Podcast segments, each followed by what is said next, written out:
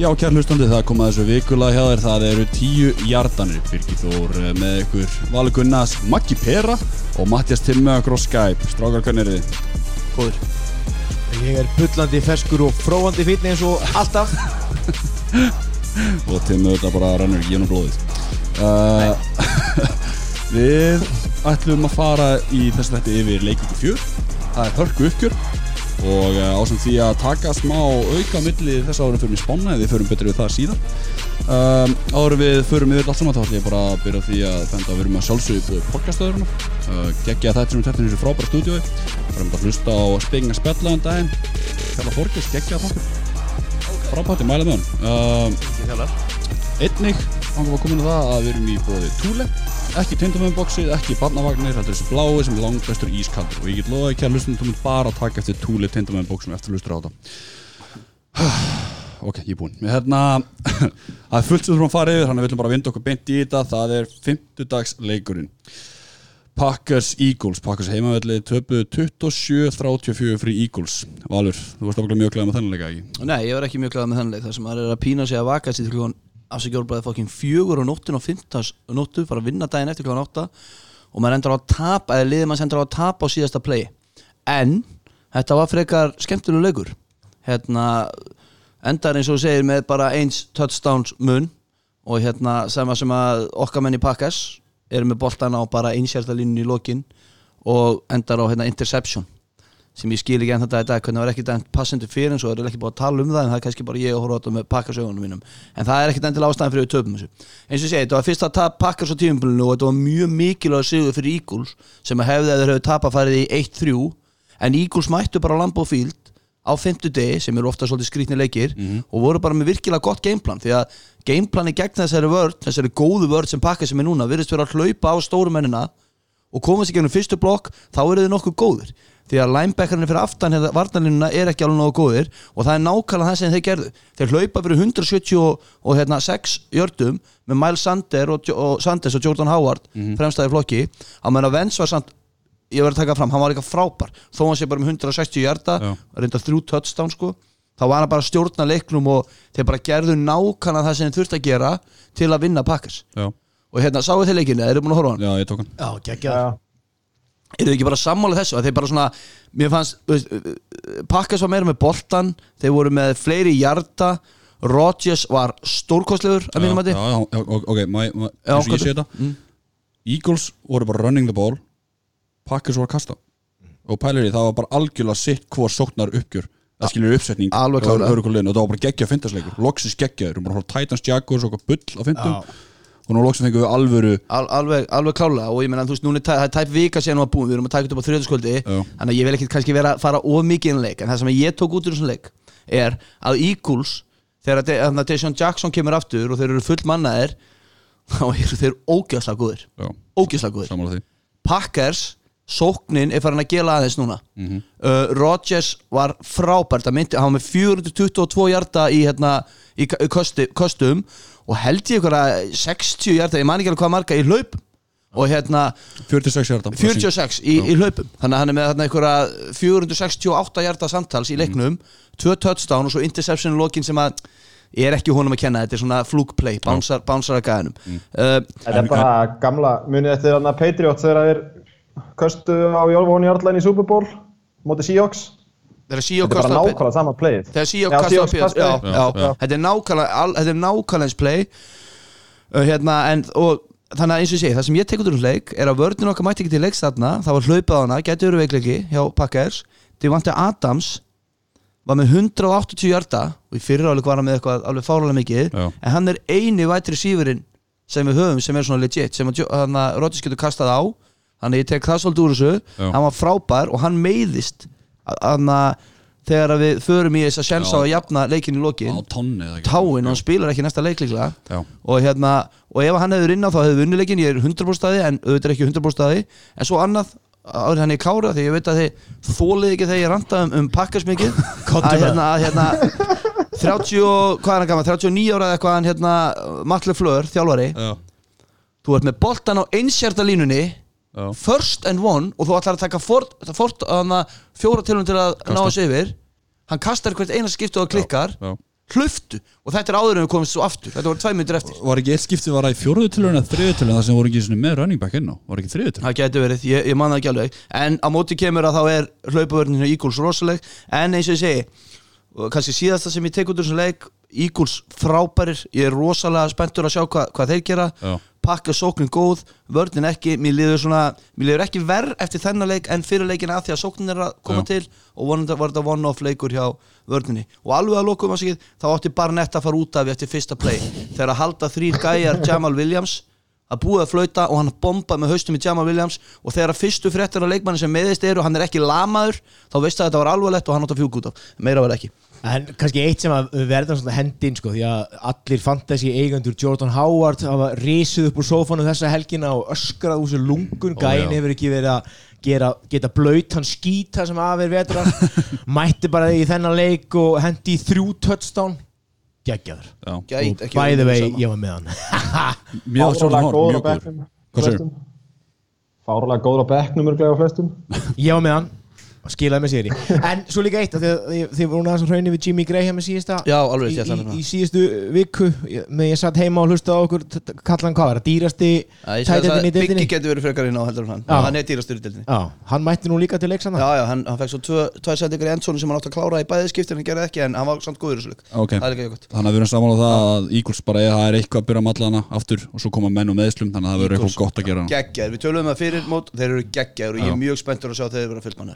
og og og Ok, færum okkur frá fintasleiknum yfir á sundarsleikin Fyrsti sundarsleikurinn að segja? Uh, Redskins Giants Redskins 3, Giants 24 Ég segi það aftur Daniel Jones sem er hreðjar. Hann er baller.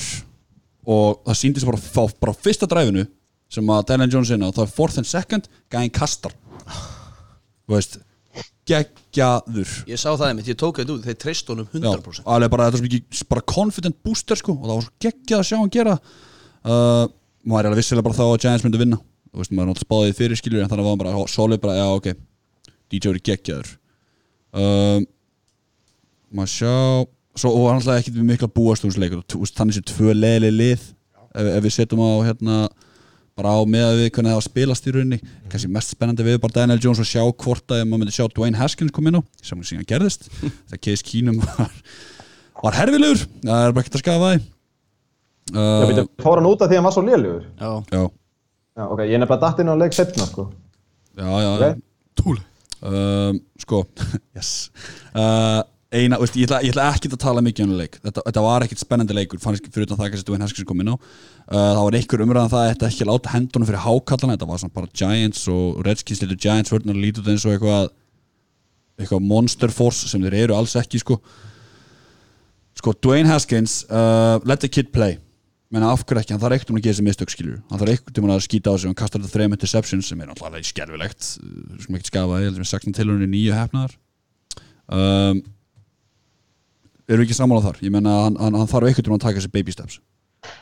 Jú, jú, en mér finnst hann bara ekki lítið út fyrir að vera tilbúinn. Það sem ég sá honum, bara, þetta var bara leikmaður sem var- virtist ekki að hafa æft nót til að vera tilbúinn. Ok. Þú veist, jú, jú, hann getur náttúrulega er ungur og allt þetta en Ok. ég veit ekki, hann virtist bara ekkert vera nægilega reddi af coachingstaffinu sínu. Klálega og líka þú veist eins og við erum rætt áður í svo þætti að Giants vörnun er ekkert góð og, og ef þú vilt prófa ungan strák skilur sem þú vilt sjá hvort að hafi hérna pungin í þessa deilt þá hendur hann vinna mútið New York Giants vörnunni og hann stóðst ekki því miður. Alls ekki, en líka þetta annað skilur og, og svo var ég að pæla en ok, ef þú ber saman Daniel Jones, Dwayne Haskins. Daniel Jones fekk viku fyrirvara að vita að hann var í starter Dwayne Haskins var hendin á skilur, Búist já. því. en eins og ég, það er náttúrulega eldgamla ef og hefði, elskum þannleika og allt það. En það sem, sorry, eitt sem ég tók út úr þessu sóknarlegin á þurfum að bakna því að þessi Galman kemur inn á í staðin fyrir Barkley þarna og bara góður. Og ég fór í alveg að hugsa er ekki ákveðið meira motivation fyrir sóknarlegin að verja eitthvað eins og Daniel Jones þegar Íla Manning er ekki fyrir aftan jú, jú, jú. að því þú veist að getur eitthvað gerst eða heldur kannski í tveimur sekundur lengur. Já, já. og ég meina, það er náttúrulega sín þriði ári deildinni. Þetta er engin, þetta er engin rookie. Uh, átjón hlaupatilunni, 63 hjartar 1 touchdown og 6 gripniboltar 55 hjartar, 1 touchdown. Og góður. Uh, minn spjartur Giants var eiginlega ekkert meira sem ég vil segja um leik og ég sínst Redskins voru með á annar til þriða pickið. Akkurat núna eru Redskins með first overall pick í draftinu. Já, já, það mun breytast, Dolphins fá það, engar ágjur En, en við höfum aðeins verið að ræða það líka strákar. Þú veist, að mögulega farið þeir að hérna, vaða í ykkur þjálfaraskipti þarna Já, já, Ég meina, ef að hérna, sko, Haskins hefði ekki fengið að spila komið ennþá meiri pressa á þetta en ef þið taka 2, 3, 4, 5 leiki í röð núna sem eru fara að spila svona ógeðslega illa farið það ekki að sparka honum út á allansafið klárlega. Jú, ég meina líka hann náði líka skilið sko, sorry. Já, sammála því. Á, maður lág svona á Twitter eh, fyrir vikuna að, að hérna þessi leikur er tapast og myndi láta hann fara. Það er ekki ennþá búið að koma það er ekki ennþá komið við töpuð ekki, töpuð 24-3 Já, ég veit það En þannig að þú spyrir maður eins og hvað heitir receiverinn þessi mittur, McLaurin eða hvað heitir hann? Terry McLaurin. Þannig að nýlega McLaughlin eða? Hvað hann heitir. Þannig að það er eiginlega bara víst er að því maður var eitthvað svo heitur fyrir að Case Keenum var að hitna. Já. Ég held að hann sé bara algjörlega líkil atriði sem sóknuleik hjá, hjá henn Redskins. Ég meina á pælir það er eina vonastönnuna En við ætlum ekki að dvelja hans leik. Þetta, eina er bara það er eitthvað að gera þessi Giants og það er spennandi að sjá að spila. Uh, Næsta leikur er uh, Titans Falcons. Uh, Úf Titans 24, Falcons 10 Ég ætla bara að hendi sig yfir á makka Já, takk fyrir það maður. Djúið verður ógeðslega gaman að fjalla um hennar frábæra leik. Ég hérna, er búin að vera býða spenntur eftir að fá að spjalla um mína menn sem að gátu nákvæmlega ekki neitt. Uh, Enn og aftur uh, eru þeir vonbriði Ég sá að þið spáðið um öllum sigri í, í síðustu viku og þið hérna, hlóðu pínaða Titans. Ég hendi sér minni spá á Twitter uh, létt eftir að þátturinn fór í loftið og ég setti þar Titans að ég var með það í maganum allan tíman að við værum fara að tapa þessu leik og, það gerðist. Uh, Atlanta Falcons menn eru búin að vera brjálar eftir leikin Uh, það er búin að ríkala skemmt að fylgjast með svona hérna, áhörfunda spjallborðum því að eftir leikin þá uh, sko hrúuðu sér niður á hliðalínu og öskruðu að reka Dan Quinn og gera eitthvað drastíst í stuttumáli þá hérna, uh, leit Markus Mariota að mínum að bara þokkul út, við erum búin að vera svona pínu að gera gísa honum og segja hans ekki nægilega góður. Hann lúkaði bara vel. Uh, setti hérna fl flottar sendingar á AJ Brown hérna, ekki nýlið hérna ungi, ungi white receiverinn. Uh, setti, hann setti tvö touchdown greip eitt rosalegt 54 uh, hjarta hérna kast sem ég varst gegja.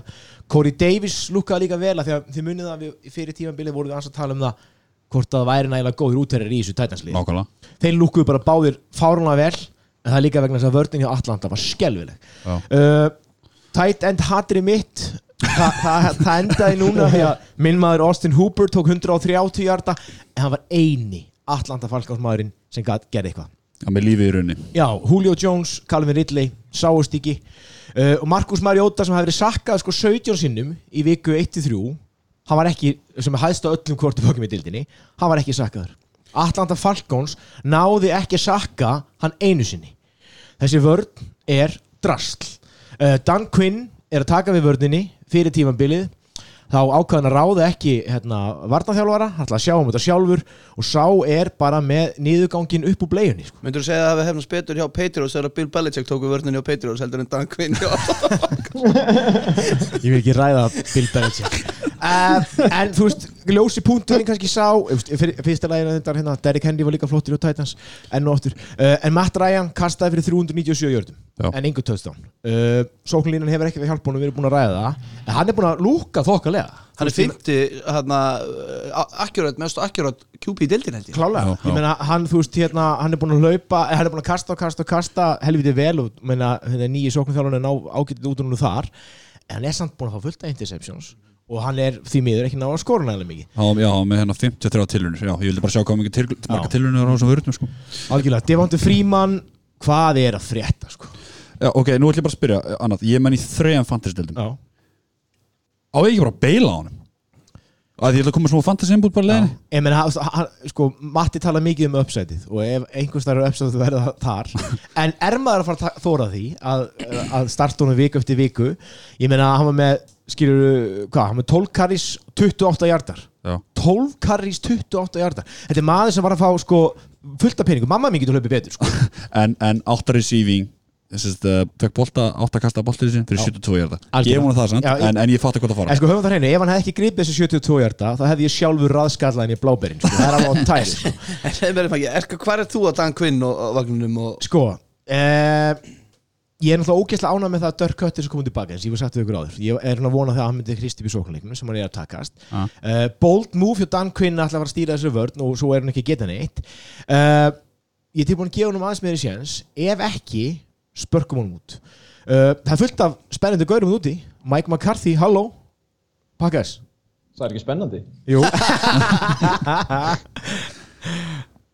En hérna ein spurning. Með Dan Quinn, þú veist, núna er hann samt að klára, sko, hann á engan blórabökul eftir. Nei. Þú veist, það er núna er það bara hann, hann getur ekki, hann veist, rekið varnarþjálfarna sinni sem hann gerði í fyrra. Nákvæmlega. Nú er þetta bara hann, þannig að, þú veist, ef þetta fyrir ekki að stígu upp, þá hlýtur þetta að breytast. Það er bara, eigandinn er eitthvað svo nettur að hann segir bara, að bless, ef hann þarf þess. klára En hérna núna var, var annarlega greinlega betur eins leik, það er Titans Er þetta staðsita ykkur liðið NFL minna heldur en Titans? Maður veit ekkert hvað maður hefur á viku frá viku Nei. Er, er, ég var, Ég, ég, Ég- ég, ég, ég, það segir, ég setti tvær vikur rauð á tættis myndi vinna þeir töpu í bæði skiptin Já. svo er allir núna að vinna þeir Falcons Já, já. Skilur, ég, veist, ég, akkur þegar ég segi Falcons Já. þannig að betur liðið þegar ég segi tættis vinni setja það hitlið þegar ég setja hitlið setja þetta punktur En, en allavega eins og ég segi þá er bara, þá þarf eitthvað mikið að gerast þetta í Atlanta Atlanta þarf að hrista allverjal upp í þessu ef þið fara ekki að fá sigra þá fer þessi ómur um það að rekan verða enn háværari uh, það vantar einhver, varnapúsl þeir voru að treyta einhverjum köllum í gær sem ég var ekkert skotin í. Jalen Ramsey komdu til Atlanta. Elsku kúturum minn, borgiður hvað sem er ég skal hendi inn í jafnvel einum túlerútu hérna á þetta ef þú bara kemur til okkar sko. okkur vantar einhvern mann með pung mann sem getur barist fyrir flottustu borgin í bandaríkjunum annars er þetta bara ekki nema eitthvað skipsbrotan anskotin hafa, ekki meira frá mér. Bara til að skemma hennan draum, bara sorry, elsku kall, en þeir eiga eina og halva miljón í capspace eða svo, nei, 3,8 fyrir ekki, þannig að ég held að það er sama og var með í hérna, bílnum sem hann kom inn á æfingarsvæði og eitthvað þannig. við skulum losa bara fullt af höggböllum hann út maður. Út með þetta drast Money Tim hefur talað uh, já, wow, mikrofónuna bara á eldi hjá makka þannig að færum okkur frá þessu. Og vonum, vonandi bara gengur betur næst. Já, Falcons, ekki var að segja það. Jó, takk fyrir. Næsta leikur, uh, það var uh, Division Rivalry, það var uh, Ravens fengur Browns í heimsókn. Ravens 25 Browns 40 uh, Matti, þú varst ábygglega rosalega glæð með þennan leika, ekki? Já, ég var mjög spenntur þessum leik, horfði á hann bara, sleppti reddsónu fyrir hann. Og loksins kikkaði þetta bránsliði inn.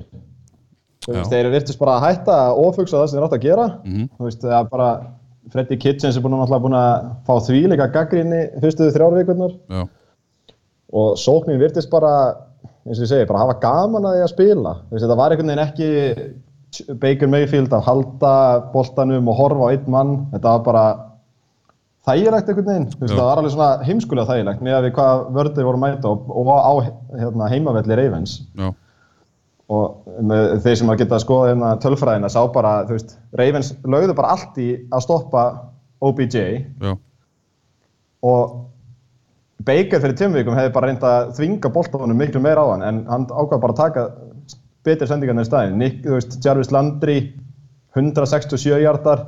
Ricky Seals Jones sem allir voru búin að gleyma með einhverja 100 hjarta eða eitthvað og svo bara maður leiksins Nick Chubb 20 carries, 165 hjartar og 3 touchdown. Og þetta er svolítið svona pick your poison sókn ef hún er í stuði, þú veist, þú bara tekur kannski í burtu hlaupaleikin, Já. þá einhvers staðar opnast Landry og OBJ Það var eitt í þessu líka því að þú veist, þetta, á þessum 165 jördum var alltaf tók hann þetta lengsta hvað er ekki running back running í ár? Jó, 88 eða ekki? 88 ára eitthvað, cirka Já, það var styrla raunmaður um, maður sjá ein pælingina, fengum hérna spurningu á Twitterið eru, bol, eru Baltimore Ravens ofminnir? Matti, ofmennir Já, sko, sko ég er náttúrulega var svona hint að því við ykkur Já. í sístu þáttum Mm.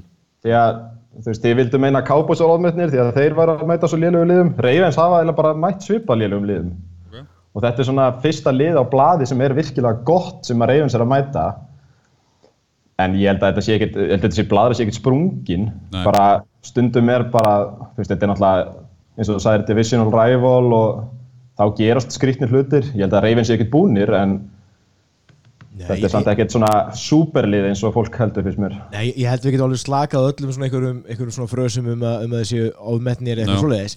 En, en verðum raunsægir, ég meina fyrir tímambil var að tala um það að Lamar Jackson get ekki kasta hann Já, er búin að sína okkur að hann getur kasta hann getur líka hlaupið, hann er búin að vera að sína okkur allt annan Lamar Jackson núna í ára hann gerir í fyrra. Mhm. Vörnin hjá þeim átti að vera sterk. Hvað, í síðustu tveimur uh, vikum hafa þeim uh, verið með samanlega eða leift uh, samanlega 500 jördum ásík skiluru Já. og svona það verið svolítið shaky og þú veist hérna ef, meina, ef við berum þetta bara saman við hvað búist við fyrir tíðanbilið þá segir þessi ekkert ofmyndir mér finnst það bara að líta vel út á köflum en þeir eru mjög hérna mistækir. Ég, ég myndi að mestar ágjör á vörðinni já, ég saman því. Já. að því að þú veist þeir, þeir hleyptu að það 600 jörgum ekki á móti Kansas Jú. City Jú. og svo aftur núna móti Browns. Já. og þeir get ekki tækla til að bjarga lífið sinu skoðiði playin, skoðiði Chubb, Touchdownið og Jarvis Landry nóksunum þeir eru með tæklingu en þeir bara ná ekki að klára. Já. Uh, Eitt samt sko sem ég fór að pala því ég tók bara því að ég tek alltaf Earl Thomas. Hann er kannski að því að þetta er þessi huge signing sem þið fengu náttúrulega hérna í, í, í sumar. Uh, hann lokar OBJ OBJ kom eitt bolta tveir, en það var reyndar Marlon Humphrey Thomas náttúrulega er bara í safetyinum. Já, já, ok, en skilur, ok, ok, hann hjálpar til, ber út já. mér skilur hann, ber út, hann tekur, hann tekur hérna slóttlefi skilur, gera saman sem í Watkins síðustu ykkur skilur, og veist, ef við tökum bara hérna, hvernig hann lokar á þetta, þá ætla bara að fá aðri leikmenn eins og hver sagði Jones hana, hvað heitir hann? Ricky Seals Ricky Jones. Seals Jones með 82 hjarta skilur. En spurning er hann hvítu með mottu og sitt aftanlega Jesus, ég veist að rockstunum á sem ég það er eiginlega ekkit við að kannski bæta við þetta eða það nokkuð, ég meina Já, mér fannst bara Lamar kom bara niður á jörðina einhvern veginn, hann átti náttúrulega hvað, tvö interception og, svo, og eitt fumble og Mark Ingram með já, líka, þannig að þetta var eiginlega bara veist, líka bara punktur með þessa bránsvörn, hún bara mætti. Þeir eru með, ekki með best, tvo bestu cornerbackana sína í Gríti Williams og Denzel Ward, en voru samt bara mjög góðir það er góða punktur. En ég, mér finnst þeim stóra dæmi í þessu sem við erum að taka út úr þessu núna á þriðjöldaskvöldi er að Browns virðast vera að lifna við og svona aðeins kannski að já, já. koma að synga á leikið þeirra. Klála, klála og, það er það sem við vorum að kalla eftir í rauninni. Akkurat. Um, Við ætlum að fara okkur frá þessu Það er ekkert við að bæta við En við viljum bæta við ykkur tím Eitthvað sem við bæta við þetta Nei, ekki, ekki neitt. Bara spennandi að sjá, eða ekki? Það er ekki bara gaman að góða Já, ég var mjög gladur og fór út úr þessu leik með brósofur Já, guðið svo lof uh, Næsta leikur. Þá var í Chiefs Lions. Lions fengur Chiefs í heimsótt Fyrsti leikurinn hjá Patrick Mahomes í innandira Það sem að uh, Chiefs unnu 34-30 Valur, þetta var þinn leikur. Já, ég, hérna, í fyrsta lagi þá finnst mér magna að þetta er þriða tíminn hans Mahomes þó hann spilaði bara eitt leik á fyrst Já. þá finnst mér magna að þessi fyrsti leikurinn hans innan hús að því að veist, hann er já, mér finnst það, það svolítið sérstætt en það skiptir kannski öllu máli. Og menn voru að tala um, ok, hann hefur bara spilað þeirra og hann er svona góður, hvernig verður hann innan hús það er sem þú bara í kjöra aðstæðum alltaf. En það var ekki alveg kannski því ég helsa hann núna því þetta var hálfgerður off leikur hjá honum eða hægt að segja það. Nákvæmlega. Hann var ekki með neitt touchdown. Og hann var búinn að vera með einhver 13 leiki röð með 2 touchdown eða meira eitthvað, ég puntaði ekki niður hjá mér, ég man ekki tölfræðina. En það var fárunleg, en hann er samt með 315 kastajarda og 54 rushing sko. þannig að þetta var ekki léluguleikur hjá hann en á hans standard og það sem við erum búin að venjast, þá var þetta svona off leikur hjá hann Já, og Ég bara svona skjóta smá inn í fyrirgeðu hérna með þetta innandýra dæmi hann spilaði fjóra leiki innandýra í college. Hann var með meðatali fjör, 493 hjarta og næstu í 5 touchdown í hver, þú veist, að meðatali meðaldali bara eins og maður gerir. Eins og að gerir. En, hérna, en þessi leikur, ég, ég held að þetta er svolítið fyndið að hérna, Chiefs vinna 34-30 Lions. Samt hefði á tilfinningunni að einhvern veginn Chiefs fara ekkert allt og sáttir út en Lions fara bara þokkala sáttir út. Skiljum hvað meira ég held í þá. Ég meina þetta var bara svona þannig að, að að Chiefs sóknin var ekki eins dominant og hún hefur verið og, og vörnin er eins og hún er og, og, og Lions aftur á móti eins og að leiða mér fyrir nokkrum, nokkrum þáttum síðan þeir líta ógeðslega vel út. Já, já, ég skal, ég skal eins og ég sagði á hérna um daginn Ég er, ég er komin Ég er komin á vagnin Já, just, bara Matthew Stafford hann, hann, hann leitt rosalega vel út og hann mm fömblaði að maður, þeir voru útrúlega klaufar í reddsonu til dæmis eitt play, bara mér langaði til að bera það undir ykkur. Þá er Kerryon Johnson, frábær running back Lions bæði við, mikill aðdæðandi Aha. ég hata þessu í deilt með pakkars hérna, hann er að tegja sig í átt að endalínni og fömblar. Boltinn dettur við hliðina á honum og er dauður boltinn. Já, hérna varnamaður uh, Chiefs, tekur Já, já, já. og þetta er sama dómara, dómarateimi og dæmdi seint hérna leikin Saints Rams. Þeir flautuðu tötstönu vittlust af. Já. þannig að þeir flautu ekki úr leikunum að fara. Já, skoða replayið, ok, vel gert hjá dómarunum þetta er rétt, tötstönu stendur. Sáuðu Man United Arsenal í ger þar sem að aðstofdómari flaggaði. Já. þetta hefur áhrif á Gea myndi ég segja og Arsenal skoraði og svo skoða var og þá kom við ljósa að þetta var ekki rángstaða en þetta hefur áhrif á, á dómaran mér finnst þetta svolítið svipað þegar að bolti er dauður við hliðina á okkur um gæja allir eru hættir. Aha. Ég veit að það er ekki reglunum. Fattið þið hvað ég meina? Ég, og, og, og, og, og þetta myndi ekki já, ég ætla að klára, þetta myndi ekki st- standast lög og þetta er ekki rétt sem ég er að segja en bara svona for love of the game þá finnst bara þetta svolítið skrítið. Já, leiður hún flæða bara Já. Já, Já, sko, þú veist, eins og, mér fannst þetta, ég sá þetta og mér fannst þetta bara að vera svona undirstryka punkt sem margir þjálfur eru með, bara spilaði þangað til að þetta flauta, þú veist, þangað til að dómarinn flauta og það vantaði bara eiginlega hjá öllu nema einum einhvern veginn. ég, ég er á sammálegur og ég er að segja það sem að ég segi stendst ekki lög. En mér fannst bara, þú veist, þarna var bara boltinn datt, Já. allir eru hættir boltinn dettur þarna, kemur guður og læðist og tekur hann. Já, já, og engin ég, ég, en mér varst áhvert, en það er 100 tötsan sem að þeir skora og komast yfir í fyrst skipti leiknum. Svo hérna fömblaði Stafford inn í Redsonu en þriðji leiklutin eins og leik var rugg það voru fimm fömbul bara í þriðja leikluta þrjú hjá Kansas og tvö hjá Lions.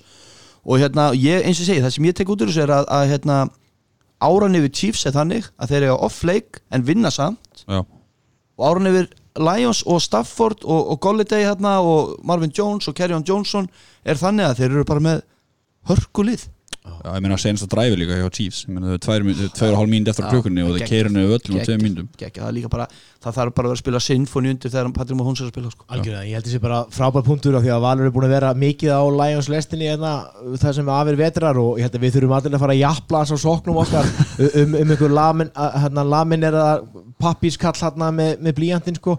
Þetta lið bara lúkar, minna Mar Marvin Jones er mér bara finnst það æðislur. Ég er búin að hafa ógeðsla ánað með hann og bara hérna, þú veist, Kerryon Johnson geggjaður, þannig ég hérna Já, ég er hrifnar að Golladay heldur en Marvin Jones að ykkur Já, ég líka. Mér finnst hann bara, mér finnst hann alveg geggja sko. Baby Megatron. Og sett ekki DJ Hawkinson líka núna? Já, heyrðu, Jú. og heyrðu, hann fór út af. Það var bara svona, það var semi svona Divante Adams moment þegar hann fór út af hans mér. Úf, ekki alveg. Herðu uh, hver líka fólk til þess að fara á Twitter og sjá hérna peppraðuna frá Mahomes fyrir lokadræfið, það er sick. Það ég fekk gæðsóð Ok. hann, er bara- hann er bara að segja mönnum bara tristu á liðsfélagin og þetta er bara sick sko af því þetta er akkur dræfið sem þeir ekkert bandarískar en það þetta var veist að vanta bara skilur oh sick herru, færum okkur frá uh, þessum innan, hvað, Ford Center er það ekki? Jú. Jú, færum okkur frá innan dyra Ford Centerinu Ford, Ford Field. Ford Field, Ford Field, já, Ford Field. Æ, Centerfield, maður er allt saman bátur við Herðu, við ætlum að uh, Matti Jú, Yes sir. við við slum fara í Colts Raiders uh, Colts 24, Raiders 31 Þetta var góður útisjör hjá Raiders. Fyrsti, hvað ekki, annar útileikurinn í röða ekki? Á einhvern 5 eða 6 Jú, er ekki að taka tvo, eða veist, taka núna leik, þú veist, er ekki með útileik núna, svo fara til London sem telst þeirra heimaleikur, Bævík og svo þrýr útileikir. Jú, eitthvað hannig En já, uh, Colts 24, Raiders 31 Segðum eitthvað skemmtilega með þetta Matti Já, þú veist, ég veit það ekki, mér fannst þetta svona, þetta var alltaf lægi leikur, hann byrjaði allavega mjög skemmtilega, Reiters komist þarna í 14-0, bara mjög snemma. Og þetta var einhvern veginn svona fullkomin grúten leikur einhvern veginn, þú veist, þeir voru með bara fullkomlega balanseraða sókn, 189, 189 hjartar kastaðir og 188 hjartar hlaupnir. Og þetta var bara svona stuttasendinga, þú veist, Karri fekk að dunda sér þarna, gaf bara Waller sem er baller og, Waller maður. og Josh Jacobs var sem er líka flottur. Ég held að mér, stann svolítið á að hafa flóið undir radarinn sem svona rookie running back. Já, það er ekki að fara Eh, að vinna fyrir hann fyrst mér. Ég, hérna, ég veit ekki, ég veist, fyrir þetta fyrsta leikin fyrst mér ekki sent mikið á hann. Nei, hann náttúrulega var eitthvað veikur þarna. En já, svo náttúrulega Colts vörnin er bara, er ekki tveir bestu menninni þeirra mittir Malik Já. Hooker og Darius Leonard Jú, voru báðir ekki með þannig að Jacobs hafði bara nóg pláss og reytið svo bara, það var alltaf einhver laus fyrir Carr. Uh, Tyrell Williams er svona kannski vætri sér eitt þarna ef þú tekur Waller í burtu. Já. hann er, búin að, hann er eini leikmæður sem er búin að skora touchdown í hverju leik. Ein pakki var, var, var ein flest stíðin sem skor Var þetta ekki alveg vörninn á reytið sem var sáum að skora á stiga í þessu? Það er rétt mér? Já, það er náttúrulega skoruð þarna pick 6 undir lokin. Já, já, já, jú, ok. En Já, já, sko, mér fannst þið samt aldrei ná að klára leikin almennilega. Colts voru einhvern veginn alltaf hangandi í þeim, en voru náttúrulega líka bara, ef við höldum áfram að meta meðslatal, þá var Tíva Hilton náttúrulega ekki með heldur Já, og Marlon Mack fór út af meittur í setni áleik, þá vartu komið með hvað, fjóra af fimm bestu leikmennu liðsins, svona í stuttumáli. já, Þannig að þeir áttu þannig sé aldrei sjens Erik Íbrún var ekki að gera nefn að greiða átti sko fjögur dropp eða eitthvað í leiknum. Öll sko bara hræðileg. Já, það var, þetta var ekkert svona varnamaður fastur í honum. Brissett þarf bara einhvern, einhver, þetta hvað maður að segja, þetta liði kringu sig bara þessa uppbyggingu og ef þetta allar að hrinja allt í kringum hann þá getur maður ekkert ættast til að hann dræði þetta heim. Já. Og uh, bara, þú veist, já, ég ætla ekki að tala meir um leikin sjálfa en bara stærsta sem kom út úr þessu leik var að Montes Perfect held sínu áfram að vera bara mest í fáið til dildarinnar Þetta er ógeðslegt. Það sem veit ekki hvað Wonders Perfect er þá hérna er hann linebacker hjá uh. Oakland Raiders. Hann er núna í season long, lungu banni núna eftir þetta Var hit. linebacker hjá var linebacker já, hann hefur fengið hvað 5 miljónir uh, í sektir dólara, samanlagt yfir, hvað, yfir, yfir ykkur þrjú ára eða fjör ára eða eitthvað Svo er hann íbúin að bomba í hausan og gæja sem hann liggur eftir og baulaðan þegar hann frúta og hann hlægir og gerur svona fingurkossum í stúku Já, hann er alveg, veist, on. það er ekki allt með feldið á sem gæði sko. Sami gæði og rotaði AB hennum árið og okkar kenningu svo að það hafi verið ástæðan okkur AB er eins og neyri dag En það er umræð farin að dag Gamla góða ef og hefði uh, Eitthvað sem að þið vilja bæta því strókar Þetta Já, bara, þetta Perfect dæmi er sko stórt fyrir þessa. Hann er, veist, fyrirlið, einna, eða það er náttúrulega þrýr eða fjóri fyrirliðar sikkur með við boltan og Já. hann er einn af þessum gaurum. Hann, veist, hann var hjartað í vörninni. Og þetta er alveg starra en það hljómar, veist, þetta er náttúrulega hálfviti, en þetta er alveg högg fyrir hann, vörnina. hann, er alveg, hann er alveg típan í að pissa rúki en alltaf þegar fyrir sturtu og svona. Þetta er alveg svona alveg príma típa í það sko. Þetta er maður sem dró Antonio Brown af megi okkar, þegar hann að hjóla í sjötugan kallmann. Einmitt, nice guy, einmitt Herri, færum okkur á þessu Þá förum við í skemmtunar leik. Buffalo Bills, Patriots. Buffalo Bills 10 Patriots 16 Hvað er ég að byrja? Góð, þetta var góða leikur hjá tveim góðan vörnum. Það er bara mitt helst að teika úr þessu. Uh, Fucking Frank Gore 17 tilhörni, 109 hjartar Hvað er að þessum gæja? Ótrúlega Ageless Wonder. Þú veist hvað borðar þessi gæi? Uh, Ég vil væri til að fá að bytta því. Uh, Cole Beasley, John Brown og T.J. Yeldon allir með cirka 70 hjarta Þannig að það er mikið motion í þessu Buffalo Billsli eins og við vitið þá er ég verið á svo lest since day one. En tölninga fallaði hann alltaf Petri sjálfsög hann er uh, Sony Michel, 17 tilhörni 63 hjartar James White, 8 grifni boltar 57 hjarta það er eitthvað steikt í gangi hjá Patriots, sóknin er ekki tikka en það ég held að það hefði verið bara því þeir eru loksins að mæta góður í vörn. Já. voru fyrir þetta búin að mæta maður sjá, Steelers, Dolphins, Jets og síðan Bills. Og þessum fjóru liðum er Bills langbesta vörnin. Um, Og langbesta liðið bara. já, langbesta liði klálega. Uh, fjóruðu leiklutin eins og er í þessu leik var geggjaði varnarleikur hjá báðum liðum. Bæði liðin pöntuðu þrísvar sikkort skilur og alltaf hafði eitthvað með Bills eitthvað sjens á að komast aftur í leikin að komast yfir að jafna í rauninni. Um, en leikin alltaf enda á því að hérna, Peterson á interception James Collins frá hérna, Matt Barkley sem var komin inn eftir að uh, Josh Allen. Fekk högga á höfuðu fyrir betur við það smá. Um, einn áttu Pats Crucial stopp og sóttunni á Bills. Það voru þegar Bills voru þrjá hjarta frá hérna, endamarkinu og þeir fóru í forð með þessi fjóru tilun og þeir náðu að stoppa það aftur. Af hverju fóru þeir í fjóruðunum þar? Það var 16-10 og tæpar fjóra myndir eftir eða eitthvað mm. Hverju komið sér ekki inn í þrjú og treysti á vörnina á móti þessari hræðilu Patriots sóknu leiknum? Já, bara sjó, bara sjó Ég, ég skildi þetta ekki. Sjó McDermott bara treysta sóttunni býst við. Uh, eitt sem hefði komið inn á Devin McCourty hjá Patriots. Cornerbackinu maður rétt já, frökan Danzib, ég manna ekki An- annan cornerbackinu eða, eða hérna defenseback hann komið fjögur interception seasonu eitt í hverjum leik en ég meina, þú veist, það er, þú veist, það er magnað sko. Þú veist, það er allt, það er allt að tikka í þessari Patriots vörn. Besta vörnindildinni já, punktur Það er líka fínt að Nei, ekki besta Allen. vörnindildinni, sorry En byrju, uh, sko, af hverju ekki? Ég meina, ef ef við horfum á það, ég- ég veit að þeir eru búin, mættu Dolphins að það, en, en þeir eru búin að gefa hvað, þeir eru búin að samtals búin að fá þessu 27 stig Já. í vetur, þrjú á móti Steelers, 14 á móti Jets og 10 á móti Bills. Af Því, ok, ég ætla að koma með tvæ- tvö svör við þessari einu spurningum ekki Þú taldir um liðin sem voru að mæta og Chicago Bears er í sömu deild og þeir í NFL og hérna, já, 0 hjá Dolphins komin á það. Uh, sem er ótrúlega og hérna, ég ætla bara líka að segja mér alveg sem okkar menn segja og ég er tilbúin að fá samfélag á mig.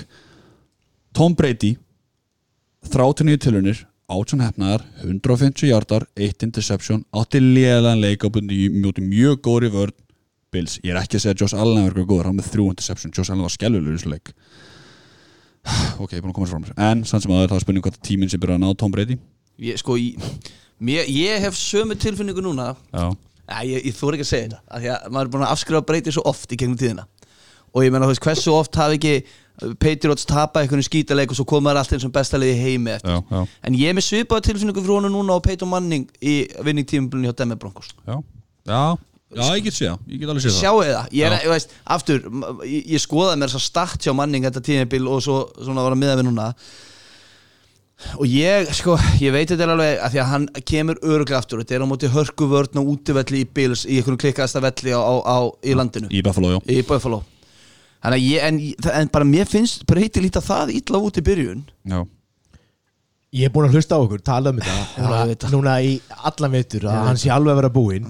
Hættu þessu. Já, ég- ég Ég- ég- ég veit það. hef það hann- er búin að hann er búin að negla yfir 30 stig í einhverjum einasta leik. Mér er alveg sama þótt að segja ekki hendi einhverjum sko demanta köstum eins og hann gerði. Já. Hann á nóg eftir. Uh, Buffalo Bills sem er geðauka vörð Núna kemur Redskins og Giants. Haldið ykkur fast sko. Hann er að fara, hann er að, negla sko. Já, en, en, en, það er líkil orðið í þessari settingum ekki Redskins og Giants. Já, ég veit, en hann er að láta Philip Dorsett lúka vel sko. Nei, hann er ekki að gera, ma- þannig að Josh McDaniels er að gera. Herri, ég ætla að koma að sinna það. Skilurðu? ég, ég hugsa samt að eina tapi á Patchy að vera mútið Chiefs leiku 14 Nei, nei, þeir tapa, þeir tapa fyrir það. Þeir Ok. tapa móti Baltimore út í Já, og, og, og Browns líka Eagles líka. átta. Tim, hvað sér Já, ég, já, ég, er bara svona til að tala aðeins um leikin Ég Já, ég ætla að koma inn á líka sko. Það er að klára hérna Ef maður horfir yfir tölfræðina sko, þú veist, Buffalo er með 23 first down á móti 11 hjá Patriots. Já, þess að þeir eru samtals með 375 hjarta á móti tæp, eh, rúmlega 200 og það eina er bara sem eini munun, svona, ef maður horfir yfir þetta og þú veist, þeir eru með meiri með boltan og allt þetta. Josh Allen er bara alltaf duglegur að gefa hinnu liðinu boltan. Og hann, veist, hann, hann bara lætur hinn að fá hitlið fá boltan og bara bak, og vonast bara að vörninn skeini sér. Hún er fyrst að gaman. Uh, Fyrst um Tony Josh Allen Þetta er bara, þetta bara ein spurning Ég ætla bara að koma inn að Bara klára um þetta snögt Helmet to helmet. Sem að höggi sem að fekk á þessu Josh Allen Ok Hann var ekki ejected James, Con uh, James Collins að gera það Nei, nei, ok, skilur maður Eh, Jones. Jones, Jones, Jones. ok, helmet to helmet Þetta hefði ekki breytt neitt niðurstöðun í leiknum Alls ekki. Jú, ég held að, en Ok. okay. Ég held ekki. Uh, En ef að leikmaður Bills hefði farið í helmet helmet um breyti ok, það er fýtt punktur En ég er búin að sjá þetta aftur Ég er búin að skoða þetta með einhverju svona kommentir undir Sko, hann stendur í lappinnar Mm. Já, hann er runner, sko. Hann er og, og, og, og- og sko, Josh Allen fer að ykkur leiti hann Þó hann alltaf mætur hann Já. Mér fannst þetta ekki Nei, þetta var, þetta var, þetta var clean hit eftir Já, það skilja já, og já. á þetta og greið- það- En ég er ekki að segja annað. ég er að spyrja, ef þetta hefði verið breyti og bilsleikmaður hefði komið í hann Já, ejected, Já, ég veit ekki. Já, er það ef og hefði. Já, Er, er þið ekki hissa? Ég er þið alls ekki hissa? Það Nei, er náttúrulega út af því að breyti náttúrulega hleypur ekki eins og allir hinnir sko. Hann hleypur bara eins og hann sé fastur með rætur í löppinni sko. Já, en, en kannski eitt líka Josh Allen meðist í leiknum og inn kemur Matt Barkley sem að átt alltaf lagið leik svo Já, sem- já, ég meina að, sko hafa með hærri completion rate og quarterback rating heldur, Já. en, heldur en Josh Allen sko, á þessum tíma sem hann spilaði. Uh, Ég myndi hafa ágjur að því sem Buffalo Bills maður ef að, ef að hérna, hann þarf að fara að spila núna næstu helgi og, og ef ef að meistin mun eitthvað hann hafa eitthvað meira áhrif. Já, Ég hef ekki mikið Barkley fan sko. Nei, eru, bara neðist það Þetta var grænsigur og Pats uh, ég koma eitt til lókin? Næstu þrjú leikir hjá Patriots eins og við nefndur Það er Redskins, Giants, svo kemur Jets. Það eru frekar öðuleikir mm. ef við erum að svona, með allt og allt Svo koma Browns, Baltimore þarna, Eagles, Cowboys, Texans. Þetta er svolítið skrítið sketsjul Já, hjá já. Pats. Kemur Þeir byrja þungt í lokin. rosalega og svo bara. Kemur þungt í lokin. Um, Special teams og vörnin Frábæra Pats en sóknir er hyggsta á móti betri vörnin deildarinnar. Og spilar ekki á móti Dolphins hverju viku. En full credit, win a win skilju. Ég meina þeir eru fóra ná og eru langbæsta lið í dag, punktur. Farum okkur frá þessu. Maggi, það er uh, Texans Panthers Texans 10, Panthers 16 Já, ég fæ þann frábæra heiður að fjalla um einn leiðilegsta leik sem ég hef hort á bara í sögu NFL Uh, ég er ennþá bara að reyna að halda mig vakandi yfir þessum leik. Uh, Við náttúrulega höfum fjallað um það og, Cam Newton fiasko og allt saman og Kyle Allen byrjaði aftur í, í fjárveru hérna Cam Newton. Og okkar maður Kyle Allen fömblaði þrísasinum en vannsamt Úff. Það segir allt um hversu skemmtileg þessu leiku var. Uh, Ljósi punkturinn í þessu er Christian McCaffrey. Uh, Biggi talaði á um hvað gæin er í þetta og, og vilja skeiða því sko. Ég var alveg til í það þessi gæi er fáránlega solid. Sáu þið gripið sem hann tók hann one-handed grab hann Þetta er eitthvað sjúkasta bara athletic Já, dæmi sem ég séð að, að, ho- hann hoppar inn fær boltan, hoppar út með eina hönd, slæra hann upp í loftið jugglar hann aðeins skuttla sér á hann og getur hann. Geggja sko. ég verð Þetta var eitthvað svo fyndi, sko, hann rann einhverja 6 hjarta og náði first down. já, nákvæmlega. Þetta var ekkert eitthvað svona, Sko, hann er, hann er svindlkall, hann er algjör svindlkall hann er með 27 hlaupa til henni 93 hjarta, eitt touchdown og greip svo öll 10 targetið sín fyrir 86 hjörtum þessi gæi er rosalur Já. og ég fæ ekki nóga því. Sjá, þið töluðum um síðustu viku hvítur running back er sexy en hvítur ógeðslega góð running back er fárlega sexy. Uh, hitt, eða síðan það að, hérna, uh, Kyle Allen lúkaði bara illa, fannst mér. Greg Olsen var algjörlega ósýnilegur bara pappispésu umferðarinnar, sást ekki neitt. Tight end hate full on blast hjá Magaperu uh, DJ Moore og Curtis Samuel komast ekki inn í leikin og Jarius Wright hann var targetað næst mest á eftir McCaffrey það segir allt um hvað hva mikið, uh, vitið þið mikið um Jarius Wright? Aldrei hérst þetta náttúrulega ég þetta googla hann, þetta var mikið fyrir því. var hann ekki í Vikings eða? hann var í Vikings, það passar. Þetta veist þú hver þetta er. Það er internet auðvitað sko. En ok. Uh, Deshaun Watson, minn maður, hann var slagur var með 21 hefnaða 33 tilurinnum 160 hjartar en hljóp fyrir einu touchdowni, það var eini ljósi punktun í honum. Hann mátti geggja líka í síðustu viku allir rosa spenntir núna myndi að koma hann inn en hann var með niðurgóngin langt upp á bleiðinni. Það sem að var sko, þú veist, að vera að tala um að sóknarleina væri, loksins að væri í gangi á Texans og það væri búið að fixa ykkur mál og, og Bill, hana, Bill O'Brien væri bara GM ásins Það voru sko 12 QB hits og 6 sökk í þessum leik. Já, mér langaði svolítið að komast inn í þetta. Ég horfði á smána leik og hann býður rosalega upp á þetta. Já, hann viðurkendi eftir leik líka Já, hann gerði það Já, þú veist, hann, þú veist, hann heldur boltanir þvílitt lengi, sko. Þú veist, það er ekki skrítið en sé svona mikið að, að fá sér hitt því að hann er bara er, boltanir hann, heil er, lengi. en hann er svo Tim, hann er svo bara bestur í því þegar hann skramlar og næri ykkur um fárunum sendingum eða auka tíu jördum eða eitthvað Þetta er hans leikur höldið til haga á móti, uh, móti Panthers þá er engin sérst, í, í gripa hernum hans sem fer yfir 50 hjarta Já. Engin engin DeAndre Hopkins með 41 Kenny Stills með 24 Fuller 3 23 þetta er þetta skell Já.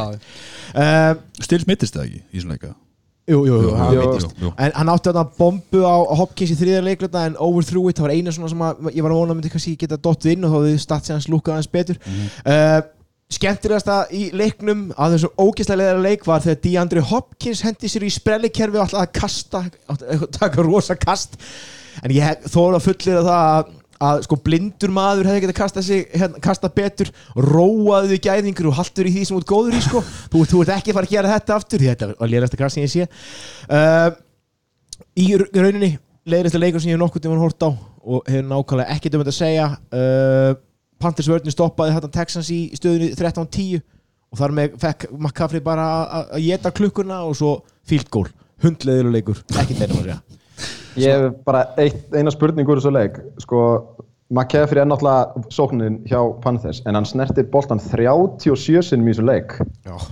Þú veist, þeir, þeir þóra ekki að taka hann út af sko, því að það er backupinn að það er einhver undrafted rookie sem að enginn hefur heyrt um áður.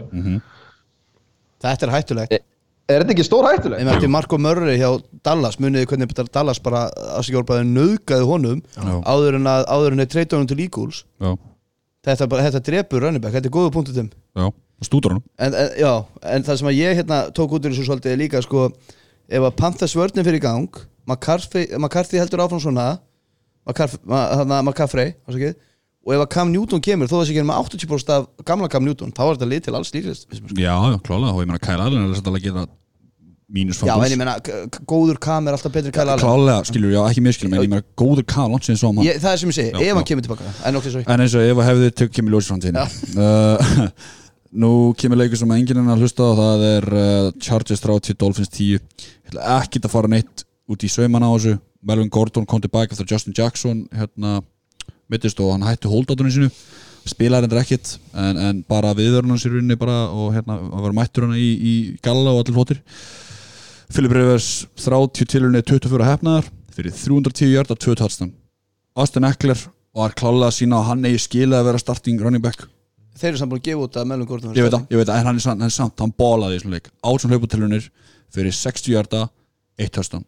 5 greifni boltar fyrir 62 hjarta 1 touchdown. 122 hjartar heldina Kínan Allan fekk feti skuggur um Don Trell Inman uh, 5 greifni boltar 76 hjartar Dolphins voru yfir í 3,5 myndu that's it, það er eina sem ég hef. Þetta er ógist ánum með að segja að hann bólaði á móti, á móti Miami Dolphins.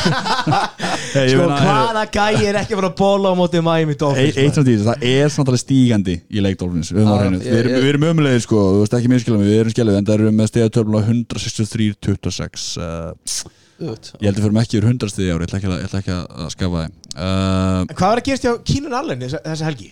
Ég startaði hann í tveimu deildum og, og bara hvað? það ekki bara verið að voru að testa eitthvað nýtt Já ég, mér grunna það, ég held að liðið sé ég, bara ég er nefnilega skítrættur við þetta matchup núna út af því að þú vilt ekki nota stjörnuna þína það mikið á móti einhverju liði sem þú átt að satt. svona lappa bara yfir og nú er ég bara að leika sér bara eitthvað. Já. uh, þetta er bara formsatriðurinn ég ætla ekki að Einu sem ég sá var hérna Rivers áttu tvö ógeðslega skemmtilega kost það sem svona tittur á tánum eitthvað ég hef ekki þetta lengi hjá honum. Það, er gaman að Dolphins, orða þannig. Já, mitt Uh, það er bye week á Miami thank god. Ætla ekki og ég meina reyndar eitt í Þeir þessu- það er eitt en að Josh Josh Rose lítið alltaf lagi út. Ég ætla að segja, hann er, hann er að koma stígandi leik til maður. Hann er rosalega flott Æ, ég, ég veist já, það er ekkert að frétta í Miami. Ég ætlum ekkert að standa á svona leik. Bara go Chargers. Ok, sundarsleikurinn Fyrsti, uh, fyrsti sem við tökum Það er uh, Buccaneers Rams. 95 stiga leikur. Wow!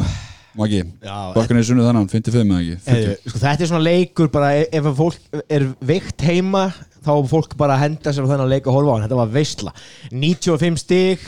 Uh, Bucks sem við erum búin að keppast um að raun yfir lúku bara nokkuð vel.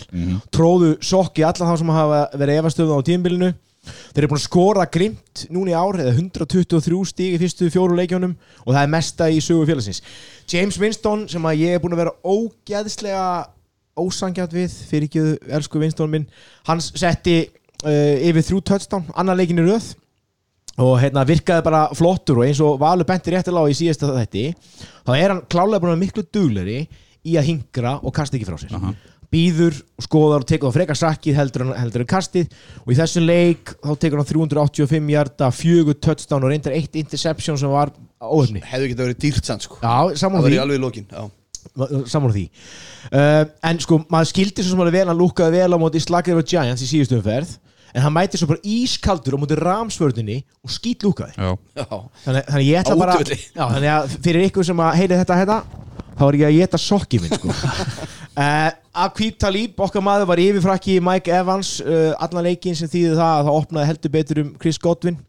Uh, En just, ef við horfum á svo það sko, Mike Evans hérna, hann, hann fekk sko uh, hann setti eitt rýsta töðstán í fjóra leikluta. Það var greið fyrir 60 hjarta sendingu núna. Já, lúkkaði alveg vel sko en Chris Godwin bara steinlá hann, þú veist, hann var með greip 12 af 14 targets fyrir 172 jördum og 2 touchdowns og það, hann fekk fjögur target í vikun undan. Þannig að bara það að Akvím Talib var að taka Mike Evans úr umferð þýtti það að opnast heldur betur hinum einn vördin hér Bucks var mjög aggressív sem hljómar þetta fáránlega í, í leik þú færið á því hvað uh, 40 stík 40 stig, já. En hún lúkkaði samt fáránlega aggressív og hérna Shaq Barrett hérna Já, sko, sko Todd Bowles er að gera eitthvað góða hluti með völdina uh, Þeir voru með, sko uh, uh, uh, uh, uh, Má sjá já Ted Bowles já. Todd Bowles, ný, Já, nýja já. varnarþálega þeirra Þeir voru með þrjú interception, eitt pick six og þessi Shaq Barrett var rosalur Hann var með fjóra tæklingar, eitt sack eitt interception og eitt forced fumble sem skilaði sér í touchdown hjá hverjum öðrum en, en Donovan Sue Já. sem hann hljóp, sáu þetta? Sko, hann hljóp bara eins og hérna, running back, hann var rosalur sko. þú Hann ætlaði að skora, sko. Hann ætlaði, Hann að skora og ég bara hissa hann ekki og bara, Ég sá þetta mitt og hann var náttúrulega á Ramsey fyrir Já. það Og ég hugsaði bara, heyrðu, hann er ekki að fagna Beðið smá stund, þá tók hann einhver dansin í Já, endsunni að sjá- að fagna hann eitthvað sko, þessi drullusokkur er að fagna sko.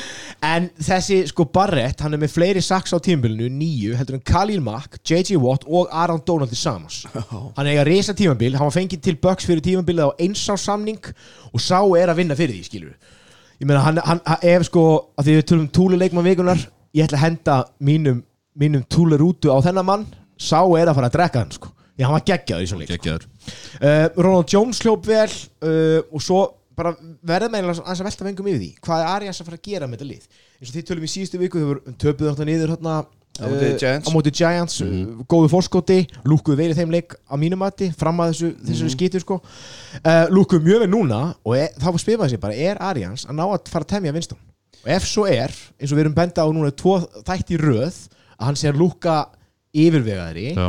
getur þá þessi quarterback whisperer kannski komið vinstun í gang að, með þessa flotta útterfi í Godwin og E- Evans Já. og er þá kannski bara liðið að fara já, og OG Howard ekki gleyma honum. Og hann er bara betur og betur með vikunirinn klálega þannig Þetta að er þá hans mest afreg og vörnin lítur vel út á Tampa. Þeir eru alltaf inn og komið með bara skýtsamlega lið og ef þeir hefðu ekki klúrað þessu æfindir hann hátt á múti Giants Já. þá verðum við þrjú eitt í dag. Nákvæmlega. Þannig að ég, ég spyrir mig á því uh, Jared Goff lúkaði ógíslega vel 517 hjartar Nah. sko 517 hjartar 2 touchdown en 3 interception. Já, mér varst hann ekki lúka vel sko En sko, uh, mér fannst það lúka vel að því litum til að gæinn er náttúrulega að ná að hérna, kasta 517 og lætur í rauninni útærinni sína skína menn að Woods greip fyrir 164 jördum, Cooper Cup fyrir 121 og Brandon Cooks fyrir 71 Það er náttúrulega líka 68 sendingar sko. Það ætti að gera svo vel að drulla sér yfir 500 hjarta. Já, ég get alveg lofað því að það er ekkit, ekkit allir sem hefði náðið 500 hjarta Þe- Þetta er einmitt það sem að tók út úr þessu leik Hvað eru þeir að að gera við Todd Gurley? Hvað er, hlaupalegurinn, punktur? Þetta er svona öfuð McCaffrey Já, Todd Gurley. ja, sko, sko, Todd Gurley með 5 hlaupatilunir fyrir 16 jördum en setti samt 2 touchdown. Hann greip 7 bolta fyrir 54 jördum og Sean McVay sagði eftir leikin þegar maður spurður út í þetta að hann vill ekki vera one dimensional guy hann ætla bara að treysta á hlaupaleikin hann var hann klálega að treysta á greipleikin en ég sem eigandi Todd Gurley í mörgum fantasildildum hef verulegar áhyggjur af því hvað er að gera þannig sko. Ég ætla að koma eitt inn á eittina því að það var kikkarinn hjá Buccaneers sem skeitum á The Giants Já. Hann hafði öllum sínu spörkum. Já, og bara flottur sko. Steig upp, Já, shout out á Matt Gay. En, en, en við getum eiginlega ekki farið frá þessu ramslið alveg strax. Nei. Því að vörnin hefur verið að svona verið besti hlutin þeirra í, í fyrstu þremuleikjunum Aha. og hún skýtur upp á baki þessum leik. Og þá, og eins og það var eitthvað í ykkur podcast ég held Rándi Annafell, það sem voru að tala um að þeir lendu undir svo snemma, þá urðu þeir bara að fara að henda. Já. og þú veit, er það miklu, að lang sniðast að bara henda, þá stoppar að klukkuna að klikkar Já. og þau hefur meiri séns en mér fannst þeim eitt Goff ekki líta nógu vel út, þó hann sé með alltaf að segja þetta Todd Gurley virkar einhvern veginn ekki að nynni, en þeir eru bara með svo rosaleg vopni í útörunum að þeir hanga þú veist, þeir, þeir gera alltaf eitthvað sóknarlega en þetta er samt ekki nógu þjált finnst mér. Já, Nei, sko, ég ætlaði bara að koma inn á, hérna, sko, það hefur engin quarterback síðustu 16-17 regular season leiki verið með jafnmörg turnover og goff af quarterbackunum, sko. Þetta er bara, veist, hann, þetta er rosalega skrítið, hann náttúrulega græðir gífurlega á því að vera hjá McVay, en það er samt, þú veist, hann, hann er rosalega misja finnst mér. Og mér finnst hann eiginlega ald, mér finnst hann ekki að hafa lukkað við allt þetta ár, þú veist, hann á svona geggjuköst en svo líka bara skelvilega köst inn á milli. Stundu kastar hann bara way off eða bara right on the money. Já, ég held að Kalle var Já. að tala um daginn. Þetta er bara svona, stundur bara in the bucket og svo bara vei, Þessi samningu sem hann fekk, er þetta mistök eða? Ekki að mikið með sko Cousins sem við komum inn í það eftir Nei, eins og sem við tala um það Við komum inn í það eftir. Ef við ekki, við við ekki gefa hún sísunnið Nei, ég ætla að veist, núna. Já, ég held að það sé ekkert, ég er ekkert orðin eitthvað, makvegi er bara það góði þjálfari að ég tristi þetta lið stíði aftur upp, en bara til að klára punkti með Winston, þetta var bara Winston reynslan í sinni skýrustu mynd í þessum leik, þú veist, hann náði hann að gegja sendingar og allt það, svo tekur, þú held maður að þetta var að fara að klúðrast þarna þegar í pick 6-inu Já, og sko Winston er búinn að vera svona, vera svona allar sinn feril, hann var svona, já ok, þetta er að koma hjá hann um, þetta er flott, já, og svo bara drullar hann þrjáleiki röð og allir eru komnir af vagninum og svo býður hann öllum aftur á vagnin og þetta er svona fram og tilbaka og það er spurning bara hversu stöður hann er að vera. Við erum allan spenntur að sjá hvað er að frétta með Winston í framtíðinni. Okay. Algjörlega. Yes. Herru, farum okkur yfir í næsta leik. Það er uh, Cardinals fengur Seahawks í heimsókn. Uh, Cardinals 10, Seahawks 27 Ég horfði á hann að leika á hann í, í, á 40 mínútum. Ég, ég ætla ekki að koma hérna inn á leika Það var ógeðslega leður leikur. Fyrst, við erum að tala með Panthersleikin þó svo er mikið skorað og það er, það er ekki þetta ídundi hvernig þessi leiku var. Niðurstömmunni þessi. Russell Wilson vann með kastari. Og hann er, hann er byrjað að tikka aftur 22 hérna sendingar 28, 240 hjartar 1 touchdown. En hann var samt með dimes. Það er ekki margir leikstjórnundur í dag að ég mætti velja með leikstjórnundur liðið mitt það er ekki margir sem myndi taka fram með Russell Wilson. Nei. Ég hugsa Patrick Mahomes. Ég held að Patrick Mahomes sé eini leikstjórnundur sem ég myndi taka fyrir fram að Russell Wilson akkur núna. Og ekki þinn maður Tom Brady, já Aron, Ég ætla að það sé Aaron Rodgers. En hérna, e, e, veist, er það eitthvað vei off eða? Nei, nei, nei, þú ert ekkert of sko Ég skilur þetta hann fara einmitt- ég, já, veist, ég hef alltaf fundist hann allt og góður út af því að ég er náttúrulega búin að horfa á hann hérna í NFC West sem 49ers maður. Og ég, mér finnst hann ekkert varna meiturinn kastari, ég er bara skítrættu hann að gæða Já, ég er, einmitt það, ég er svolítið það líka. Algjörlega, ég, veit, ég hef eh, oftar en ekki miðað á hann í öllum fantasy deildum hann er bara skemmtilegur og eins og við töluðum um fyrir tímabilið, úst, Seahawks við höfum Já. og Kalli kom mikið inn á í síðasta þætti, við höfum áhyggjur. Uh, en með hann sem leikstjóðunda þá hérna, er það alltaf skeinu hættir og hann lúkaði vel? Nákvæmlega og ég meina Kæli Murray lítur upp til Russell Wilson tala mikið um það. Já, það er náttúrulega bara svona smávaksnir Eh, sko, Kæli Murray lítur út til allra. Hann er, hann, er, hann, er, hann er svo lítill, hann er með eilsvepp undir tungun Sko, ok, við, komin, við erum akkur frá að koma inn það uh, Chris Carson er ógsta góður hlaupari. Já, stund, hann er miðsefn Já, en hann er góður á sín degi Já, já. Ok, David Johnson á skili betra lið. Puntur Já, Veist, Hann á ekki skila við þessar hérna, ég kartnanslið veit. Þótt hann sé kannski endilega eins og segi Hann hafði alveg minnst hann átti hann á Monster Season 1 En ég menn hann, hann á skili betri sóknarlínu Og hann á skili að vera í svona Playoff contender lið. Uh, 11 löputelunni 40 hjartar 8 grifnum boltar 99 hjartar Já, hann er meira í passing Já, uh, þetta er bara Já. Kingsbury effekti í rauninni. Uh, Ég held að Kyle Murray mun ekki klára sísunið hann, hann er svo lítill og ég veist hann er bara svo, hann er bara svo, hann er bara svo lítill mús þegar það var að hlaupa eftir honum veist, ég veit ekki hvernig ég að útskýra það er bara, hann er bara svo, hann hleypur úslega mikið og á endanum mun einhvern ná honum og lendi illa á honum og hann mun, me, hann mun meðast illa. Ég er alveg 100% stæði Hvernig verður svona smávaksin maður og hann fær svona kallin eins og, eins og skilur Endonum og Sú 150 kíló stykki hún á því sko. Já, ég með- já, já, Hann er rosa góður að koma sér undan Já, ég að Já, ég veit það, en, en ég meina, hann mun ekki geta alltaf. Nei, auðvitað ekki, Já. enginn getur það alltaf. Nei, æ, þú veist hvað ég meina Ég maður. veit það ekki, en, en þetta er samt, þetta er alveg gæið sko. Já, já, já, En ég ég veit samt ekki ennþá hvað ég hef hann. Ég Nei. veist, sem number one pick, ég veit ekki alveg hvað ég hef hann þar sko. Nei, við möttum að sjá meira á já, uh, En með við, eftir þráttur þessar staðarinn sem ég kom með og þráttur mikið að stegum var þetta heilt yfir leðilegu leikur. Ég gati ekki hægt að horfa klukkuna og ég hugsa bara um guðminn góðu fyrir ekki að klárast. Þannig ég klára þessi 40 mínútur. Og lengst í 40 mínútur lífs ég mun aldrei fáður aftur. Þannig að það er bara svo það er. Eitt væri að spyrja ykkur, að þið eru bara fyrirgjöðu að þið eru sko Það er búið að vera mikil tight end ást hérna í, svona þætti. Já. Því að við ekkert fjallað um Bill Disley allan vetur. Nei, hann er bara góður. Ég meina gæinn er búin að fá núna já, þú sko um fantasy, hann er búin að setja sko hvað, hann er búin að setja núna fjögur touchdown í síðustu þreymur leikin Mhm. Lúkaði vel, hann var, hann var mest targetaður núna um helgina af öllum í, í liðinu. Á móti Arizona. Á móti aðra svona reyndar. Já, en, það, en þá kemur fakt líka. Uh, TJ Hawkinson, Mark Andrews Greg Olsen og Will Disley hafa allir mætt Arizona, Já. allir verið með touchdown Já, á móti Arizona og allir verið með yfir fengum 70 hann- hjarta eða eitthvað Ok, Við fengum hann spurning á Twitter, eitthvað svona fantasy með Titan stöðuna og eina ráð sem ég gaf að þeir sem eru í vandræði með Titan stöðuna er að starti bara næsta Titan sem mætir Arizona. Arizona. Þeir bara, þetta er fáralegt. Og það hefur líka búin að vera svona í nokkur ár sko. Og bara fyrir það sem að eru að pæla í veiver, næsti Titan er Tyler Eifert. já, Bengals. Herru, uh, hlum að ekki þetta vera að hanga þessu Farum okkur áfram yfir í Vikings Bears Bears 16, uh, Vikings 6 Valur, þú varst með það Já, ég var hérna svo- mjög spenntur fyrir þessu leik og hérna eiginlega bara spenntur náttúrulega að horfa á þessu vörd hjá Bears og Vikingsvörðin er góð líka en þessi Já. Bearsvörðin er besta vörd sem ég hef séð í NFL Liggu við síðan ég byrjaði að fylgjast með. Já, Þú veist, Denver vörðin þeir runnaði með Manning Já. 2014 eða hvað það var. Já, og svo hérna Baltimore Ravens vörðin sem var hérna með Ray Lewis vinn okkar hérna í, í hvað var það, 2010 já, ég maður ekki alveg, Já, þetta er svona já. varðin komið í hugan og hérna 12 Já. já, og hérna og þessi vörð hjá Bears er það góð að það er skemmtilegt að horfa á liðið spila. Já, en ég var spennt að þessu fyrir þessu leik fyrir að sjá Kirk Cousins á móti Mitch Trubisky. Ég skal viðkjöna það. Ok. af því að ég hef, og ég, veist, ég er ekki bara eitthvað að bugga þegar Nei, nei, nei, þú ert ekki að sko, veginn. eitthvað þannig ég lifi fyrir heyrus Já, en hérna Mr. Bisky er það lélugur QB að mér finnst gaman að horfa hann spila. Mhm. og hérna, en hann fer út að meittur bara alveg í byrjun. Ok, ég ætla bara að koma inn á það að prinsinn kemur til nokkur Hann fer út að meittur alveg í byrjun Já.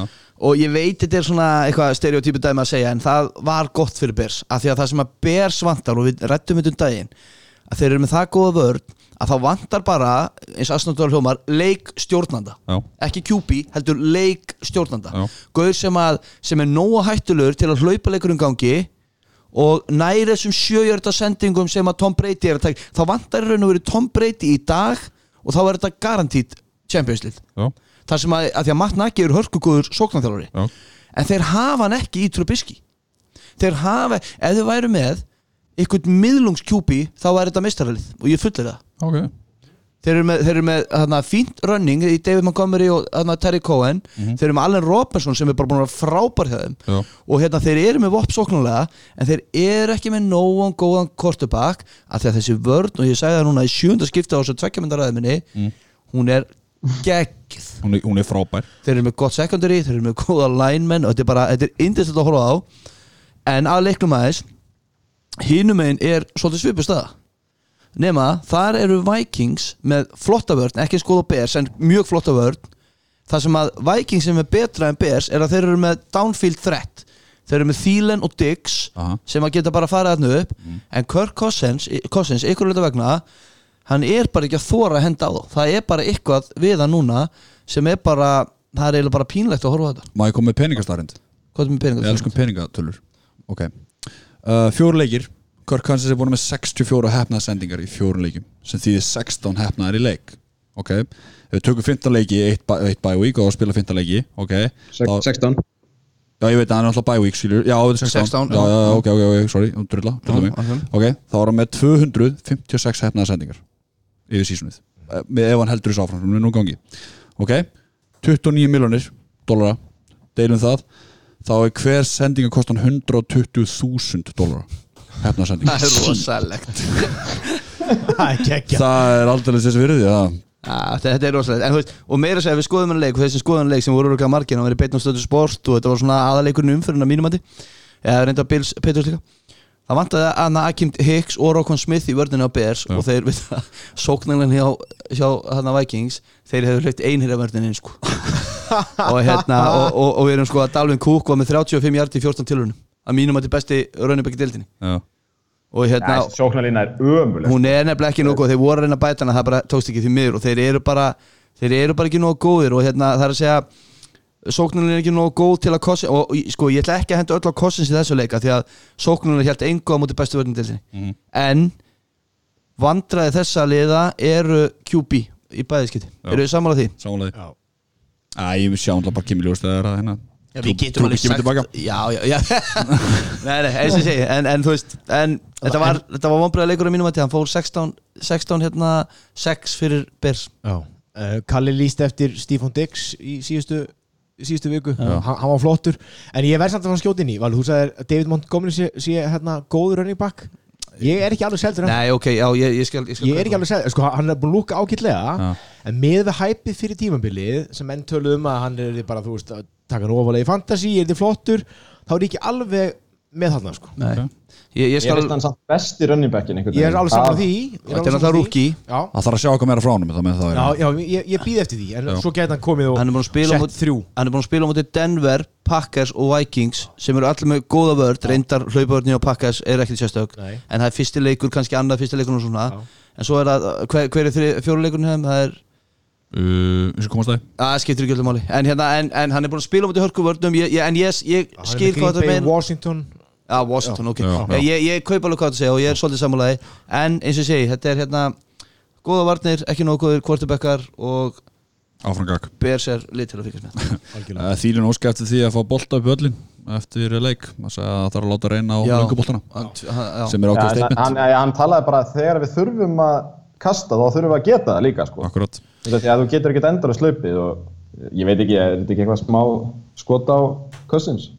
Það er- Nú, á hvern annan? Hvernig er það kast á? eins og ég Eh, segi bara sóknarlínuna eða eitthvað, en hvort þetta sé svona bara beint á á kortibækina, hvort þetta sé bara sóknarþjálfarinn og línan og allir saman, síðan, í viku 1-2018 er, er Cousins búin að byrja 20 leiki. Hann hefur runnið einn á móti yfir 500 liðum 50% liðum. Það er röf maður. Það er. Herðu, farum okkur á þessu og uh, næsta leikur er Jaguars Broncos. Jags 26, Broncos 24 Maggi? Já, herðu, þessi leikur var geggjaður og ég ætla að byrja á því að segja ykkur frá því að Fornett, vinnu minn ringdi í vikunni og hann var ekki sáttu með okkur í tíu jördunum Kalli lit hann heyra það í síðustu viku og uh, Fornett baði eftir skilabónum Kalli þú mátt fokka þér. Því hann setti í flugirn í þessum leik og hljóp fyrir korki minni minn en 229 jördum og ef það er ekki nóg til að hitla Kalla þá veit ég ekki hvað En áfram hjælt uh, The Minshew Mania Gardner Winshew er hann núna kallaður og gæði var á eldi og, og hérna gamla segur því að að treyjur með nafninu hans eru fjóruða vinstarasta vara sem er seldi í bandaríkjunum þessa vikuna og veitu hvað er vinstarasta vara? Hvað? Treyjan hans Daniel Dime Jones. Bandaríkja DJ. Það er bara New York maður. Ekki elska. auðvitað, ég meina að hugsa ykkur New York og það kemur gæi í Jaguars að sinna treyju, það er ekki algengt. En hann lúkaði fárlega vel. Því að eftir að hafa einugis náða sex stígum í fyrirháleik þá leiddi minnsvélin eins og við köllum hana mm. strákarna sína í uh, setniháleik og þau skoruðu í fjórum að fimm sóknum liðsins í háleiknum hann var að dansa eins og ballerína sem ég var skeggja og því sem er á Twitter sáu það hvernig hann var að losa sig undir pressu varnamanna þetta var sturlað. Ég með það veist ég engi hvað þessi gæja var fyrir tíðinbili og þarna var hann bara að dansa eins og ballerína taka smá feik og smá svona fótavinnu til þess að koma sér í ákjósanlega að hann var að koma sér í ákjósanlega kastöður endaði leikin með 19 hefnaðar á 33 tilunum 213 hjartar og 2 touchdown sem er rosalegt fyrir Gardner Winshew uh, Mér finnst það líka að sína kasthöndina. Menn hann var að kasta sterkum og góðum boltum hann að henda á DJ Chark og þeirra tenging þeirra milli er búin að lúka mjög vel. Já, mjög vel. Það þetta dæmt víti á, á þessa sendingu hérna, þegar hann kastaði á hann. Þannig að það er alveg kl klárt að gæðin getur kastað og stera pappin með derið og kálið upp úr eins og eins og Biggie sagði síðasta. Getur verið fucking stoltur sko.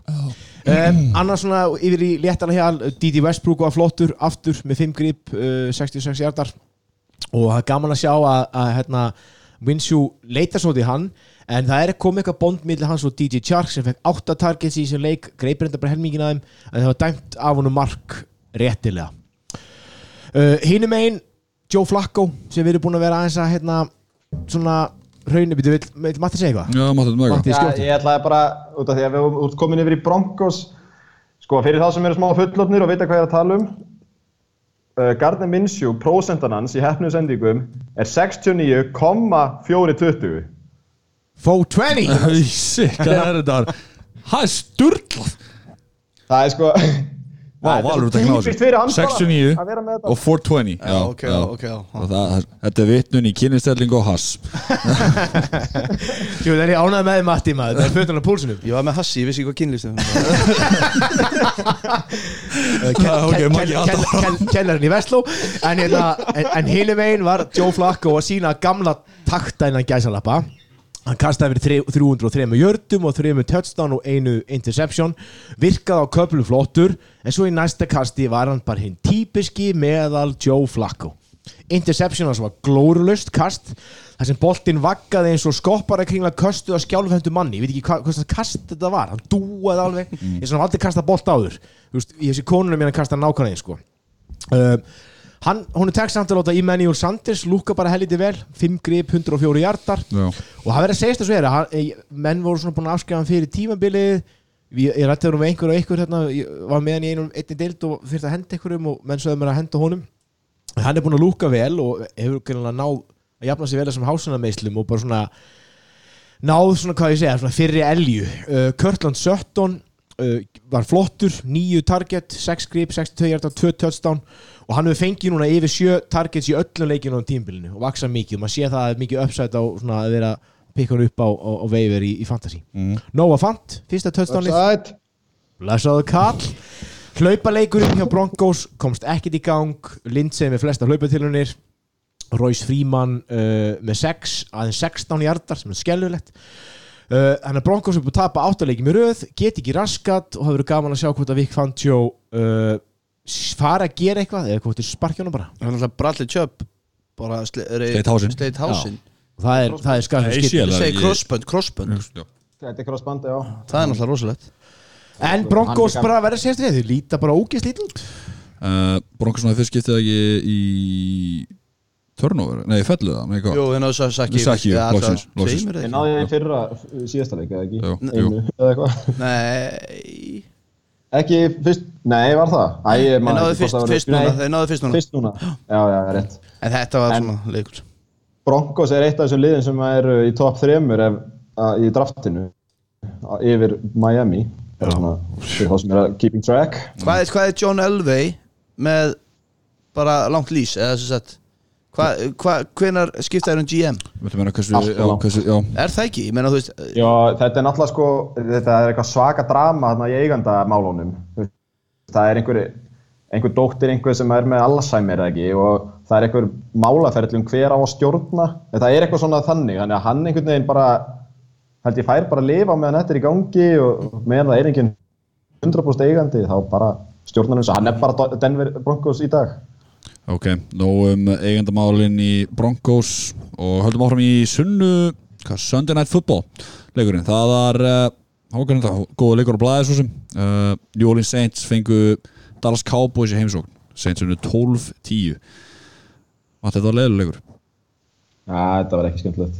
Þetta var bara, þú veist, Saints eru bara að spila til að, veist, spila bara þannig að þeir eru bara að býða eftir brís í rauninni. Þú veist, þeir eru bara svona að halda þessu, tilbúinu fyrir hann, en- en þeir eru samt búin að vinna núna tvo leiki með Teddy Bridgewater sem starter og þetta var ekki drastlið, þetta er Cowboys og Seahawks sem þeir vinna þarna og þetta er náttúrulega bara Teddy að sjá til þess að vera ekki með interception í rauninni. Þú veist, hann á bara að taka stuttar, öruga sendingar á Thomas sem var með nýju target, nýju grip og 95 hjartar. Þetta er bara first down í hverju kasti nánast sem sýnir bara hvað planið er. Það er bara þetta. Já, Og Kamara, þetta var ekkert geggjaður leikur hjá honum, átti einhver 80-90 hjarta í heldina en nýtti það sem hann hafði. Okkarna átti, átti play leiksins þarna í einhverju rönni sem hann bara það er svo skrítið að sjá hann. Hann, hann, er, hann virkar ekki sterkur en þeir bara renna á henni vatnamenni bara hversu stórir og, og litlir sem þeir eru. Okkarna en best, besta við seint þessa dagana er bara vörninn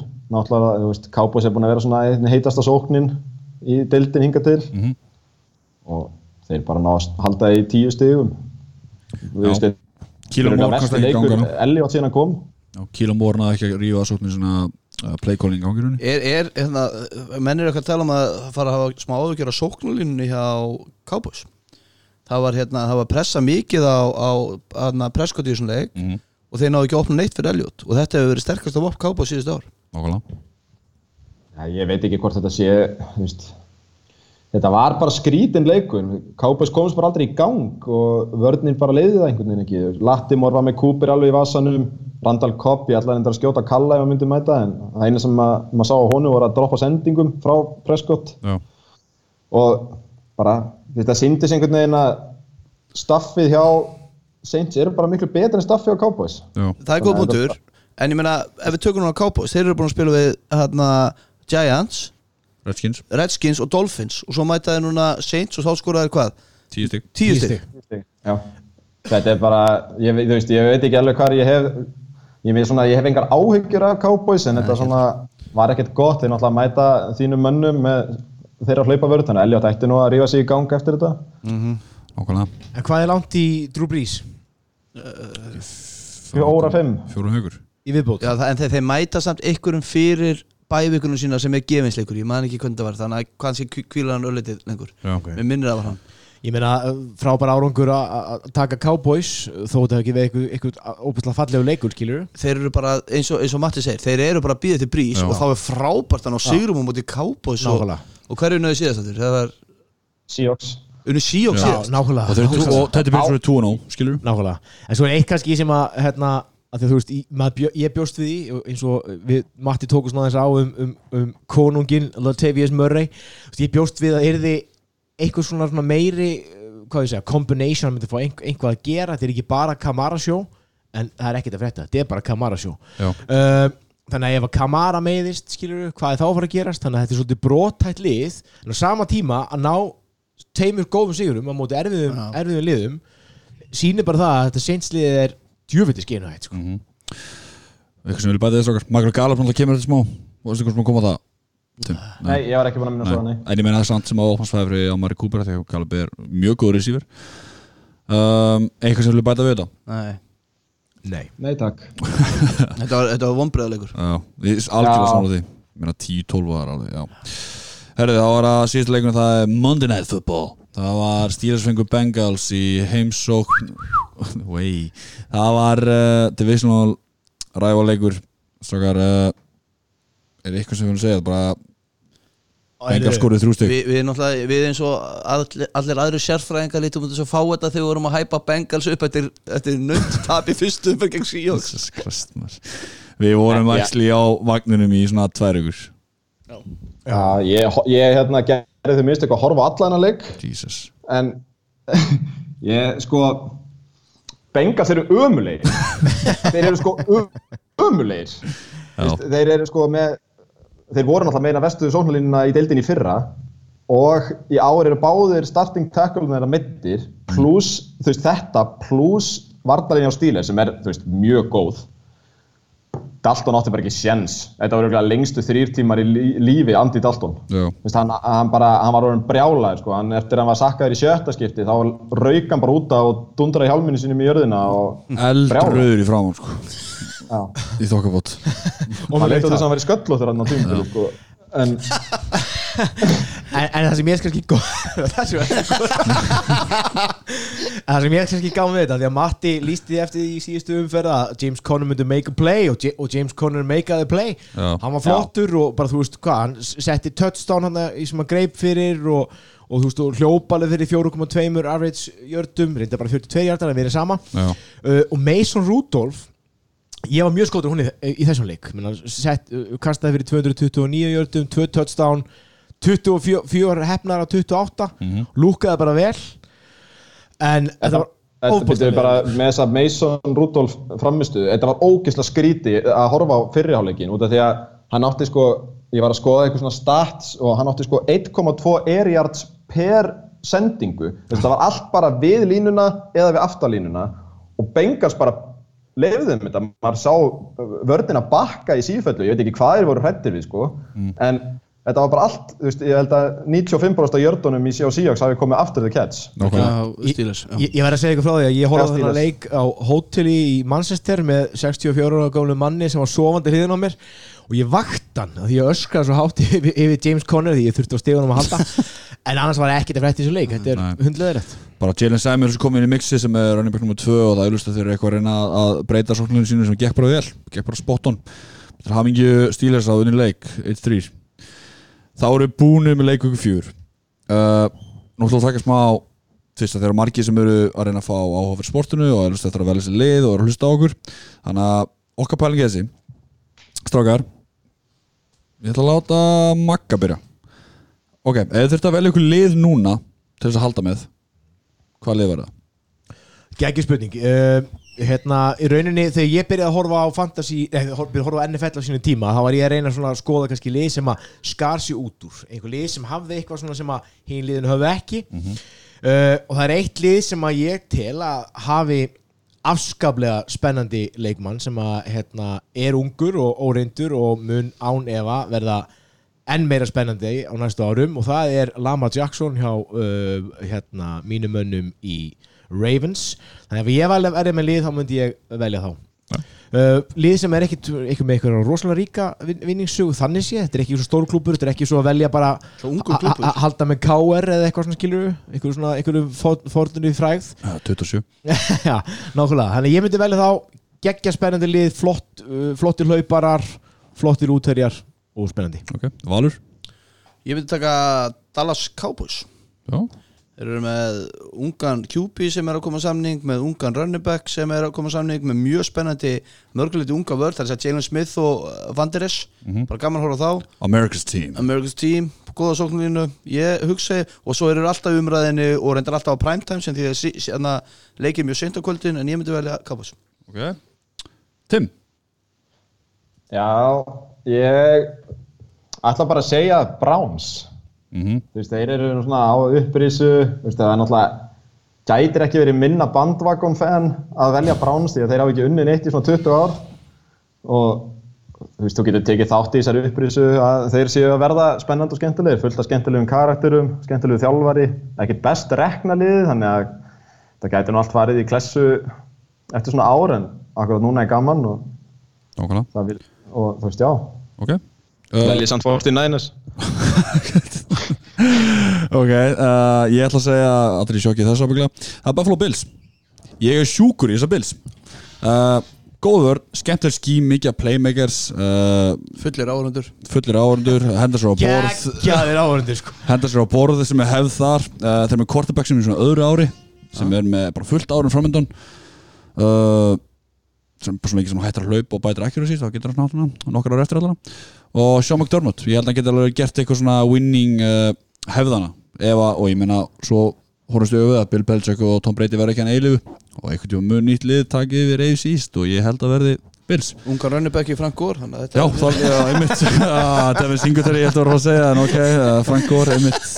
Herru, þá er þá hjálpa hlustum að verða þessi lið. Það er þið Já, sem sko, eru ekki búin Chiefs er bæðið með auglust og svarið bara Já, já, ég greinilega veit engin- engin- og Rams er líka spennandi, það eru fullt að liðin til að halda með. Láta þetta koma náttúrulega til ykkar, ekki velja eitthvað Já, ákveð í guðanabænum ef þið vel, sko, ég, eitt félagi minn valdi sér Steelers til dæmis Já. fyrir svona þreymur árum og hann eiginlega hatar þetta lið núna en einhvern veginn, sko, á þrjóskunni heldur hann bara áfram Já, að halda með þeim því hann valdi þá félagið mín fór í félagið mínu fór í Madden og gerur random lið og þeir halda með Panthers og Browns í dag og þeir gerur þetta fyrir fimm árum þannig að það eru marga liðir Herru, þá Hilmar Rótni Halldórsson uh, á færi okkur frá þess að förum við fyrir spána Leika 5 Árum við byrjum alltaf að segja að komin að það að Detroit Lions og Miami Dolphins eru á bye week aftur thank god. Uh, Það var á fyrsti leikurinn það er först árin oktober 4 það er, ó ég segi 4 oktober wow, 4 oktober, ekki oktober 4 Seattle Seahawks 3-1 fá Los Angeles Rams í heim- heimsókn 3-1 uh, Ég segi Rams, Kalle segi Rams Valur segi Seahawks, Matti segi Seahawks og Maggi segi Rams. Eitthvað ástæða fyrir þessi Seahawks? Já, ég held sem betur lið en Rams og eru heimaðli Ok. Já, þetta er eiginlega bara heimavöllurinn sem að hérna fekk mig til að velja það. Þetta er náttúrulega, er þetta ekki þvílitt langt ferðalag? Jú, sé allir hann upp í hotnin einhver staðar og stutt vika og erfiðu leikur um, á móti að þetta ætti bara að vera það er leitt það Ok, ekki Nei, betur. kannski ekki þægilegt en svona. Ok, Stöðullin á, á, á, hérna, á Rams á Coolbet er 2-0-3 Seahawks 1-0-1-8-3 einn á þrýr, ok. Ok, mögulega, það hendi ég eitthvað hana. Hörru, næsta leikur, það er uh, fyrsti sundarsleikurinn, það er New England Patriots 4-0 Þeir fari heimsón til Washington Redskins sem eru líka 4-0 en mjög við átti að tapa fjórum í röð Allir með Pats. Já, ó. Ég var svolítið heitur að segja Redskins svona, einmitt, góður. Uh, Sem allir Pats, við ætlum ekkert að fara með það Patriots bara halda áfram sinni segugöngu uh, Næsta leikur, Tennessee Titans 2-2 fá uh, Buffalo Bills í heimsón 3-1 Ég segi Bills, Kalli segi Bills Matti segir Bills? Já, Bills? Já, já, jú, jú, jú. Maggi segir Titans og Valur segir Titans. En þetta er náttúrulega pínur svona þú veist, eru að fara að velja Bills ef Barkley spilar? Já, já, Ég, já, ég, það er nákvæmlega sem ég setti þetta inn í sko, ég setti, setti Titans að því að Barkley er mögulega að fara að spila. Uh, Titans lúkaði líka fokkalega vel á móti Atlanta Falcons. Það er einu sem ég byði mitt á. Ok. Og er það ekki með bara hólka á Titans ef að hérna er Barkley að starta? ég myndi gera það.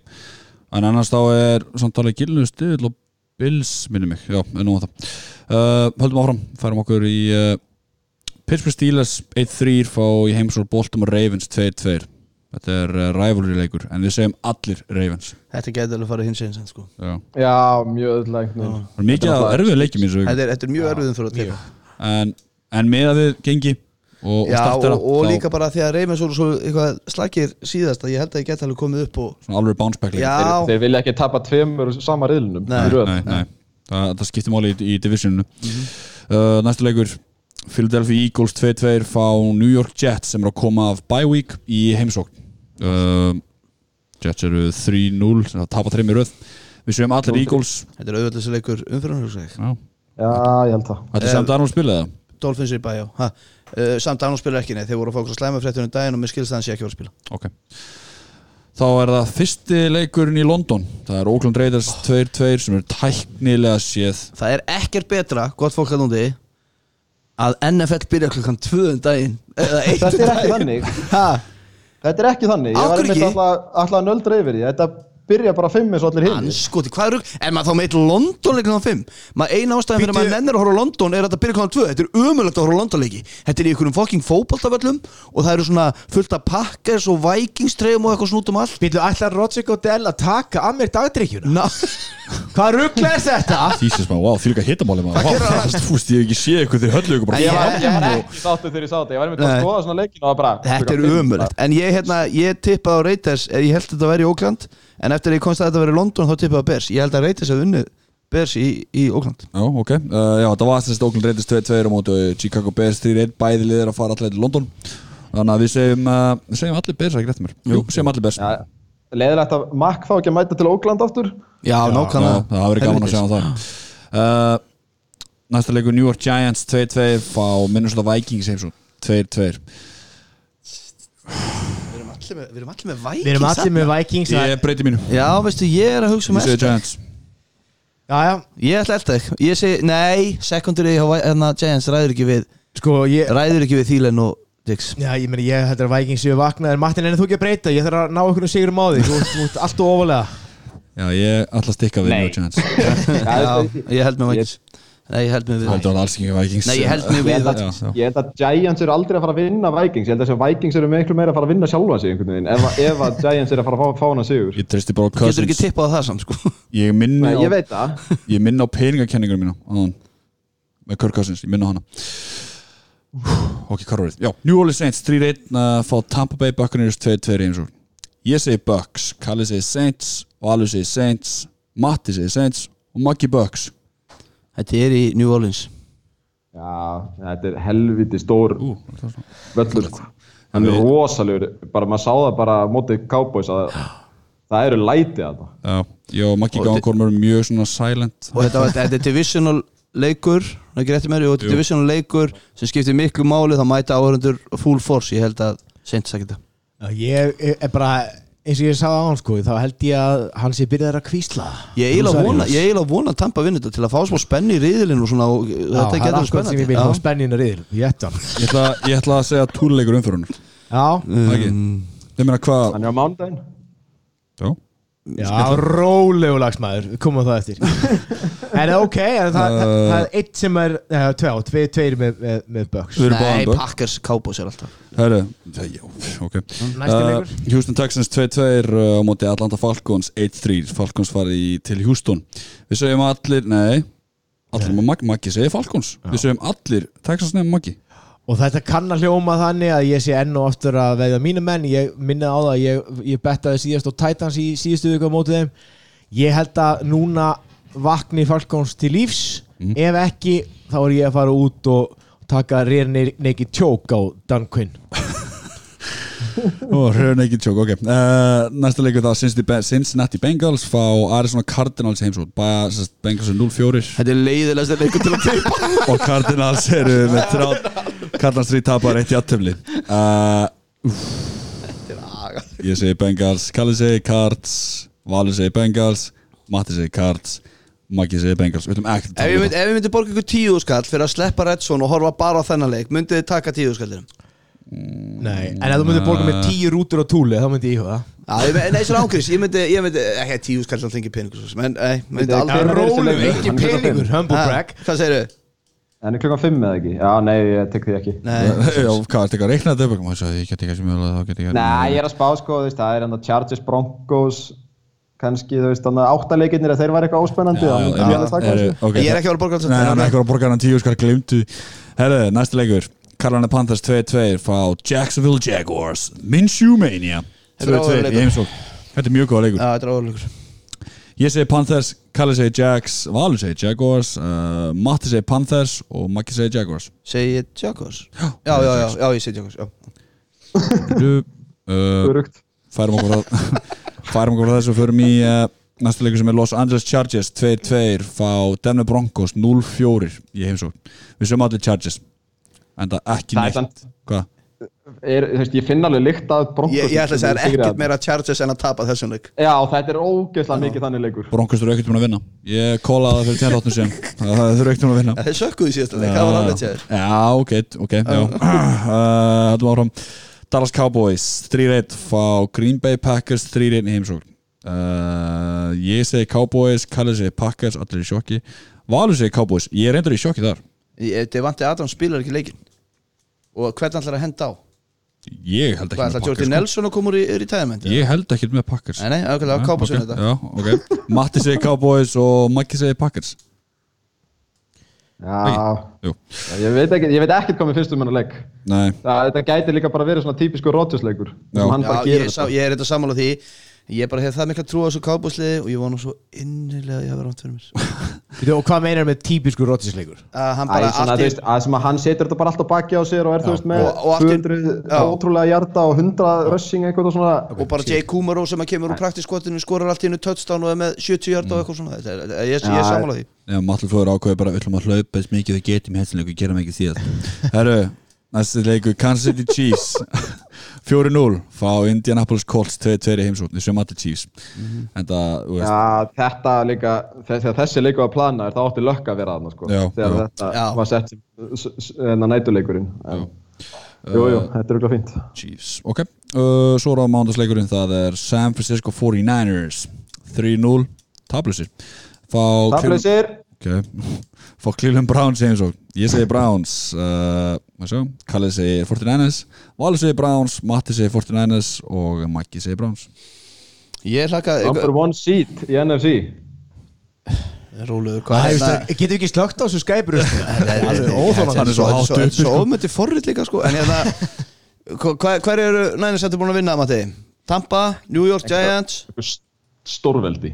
Tampa, New York Giants og Bengals Já, sko, þeir eru náttúrulega unnu þarna böksliði nokkuð öruglega sem var að slátra þarna Rams um daginn Mhm. og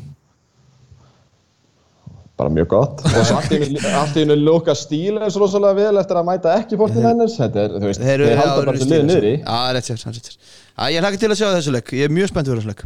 Ok, hörru Þetta er alltaf minn túlileikur, bara svona ef þú vilt skrifa það niður einhverstaðar Já, ég, já, ég skrifa henni að blæða mér, þá á ég til Herðu, þá hefur við lokið okkar spá fyrir uh, leikvíku 5 uh, Eitt ára við klárum þetta bara. Þrý leiki sem er safe bet, go. Þú hendi þessi ekki. Varst þú ekki með það, Matti? Já, ég var með hérna Hail Mary seðil sem að ég náði að, hvað, tróði upp í 80 stöðul það voru ég setti 5 leiki á það og þetta er allt útileikir, eða útilið. Já. og ég setti sko að Bills myndu vinna Titans Cardinals myndu vinna Bengals Já. Rams myndu vinna Seahawks Browns myndu vinna, vinna 49ers og að Tampa Bay myndu vinna Saints. Þannig að sko já, þetta er allt útileikir og þetta er Hail Mary en stöðlinn er 81 og þetta eru bara 5 leikir og minnst þetta allt svona að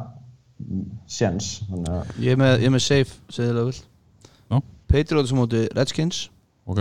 Eagles á móti Jets. Já, uh, og ég ætla að henda Kansas City á móti Colts þó það sé ekki alveg Jú, ég ætla bara að segja það, það er svona eina sem er svona, ég sé þarna í fljótubli ok.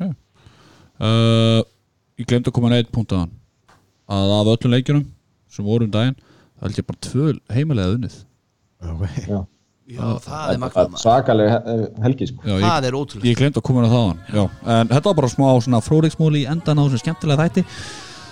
Þá er uh, okkar yfirferra leikvíku fjögur og spá fyrir leikvíku fimm lokið. Kjærlusni, þakka því kjærlega fyrir að hlusta. Við erum hvetja til að follow okkur á Twitter, Facebook og að koma með þínar pælingar. Endilega Strákar, takk kjærlega fyrir komuna. Alltaf gaman að fá okkur. Þannig til næst, takk takk, bless bless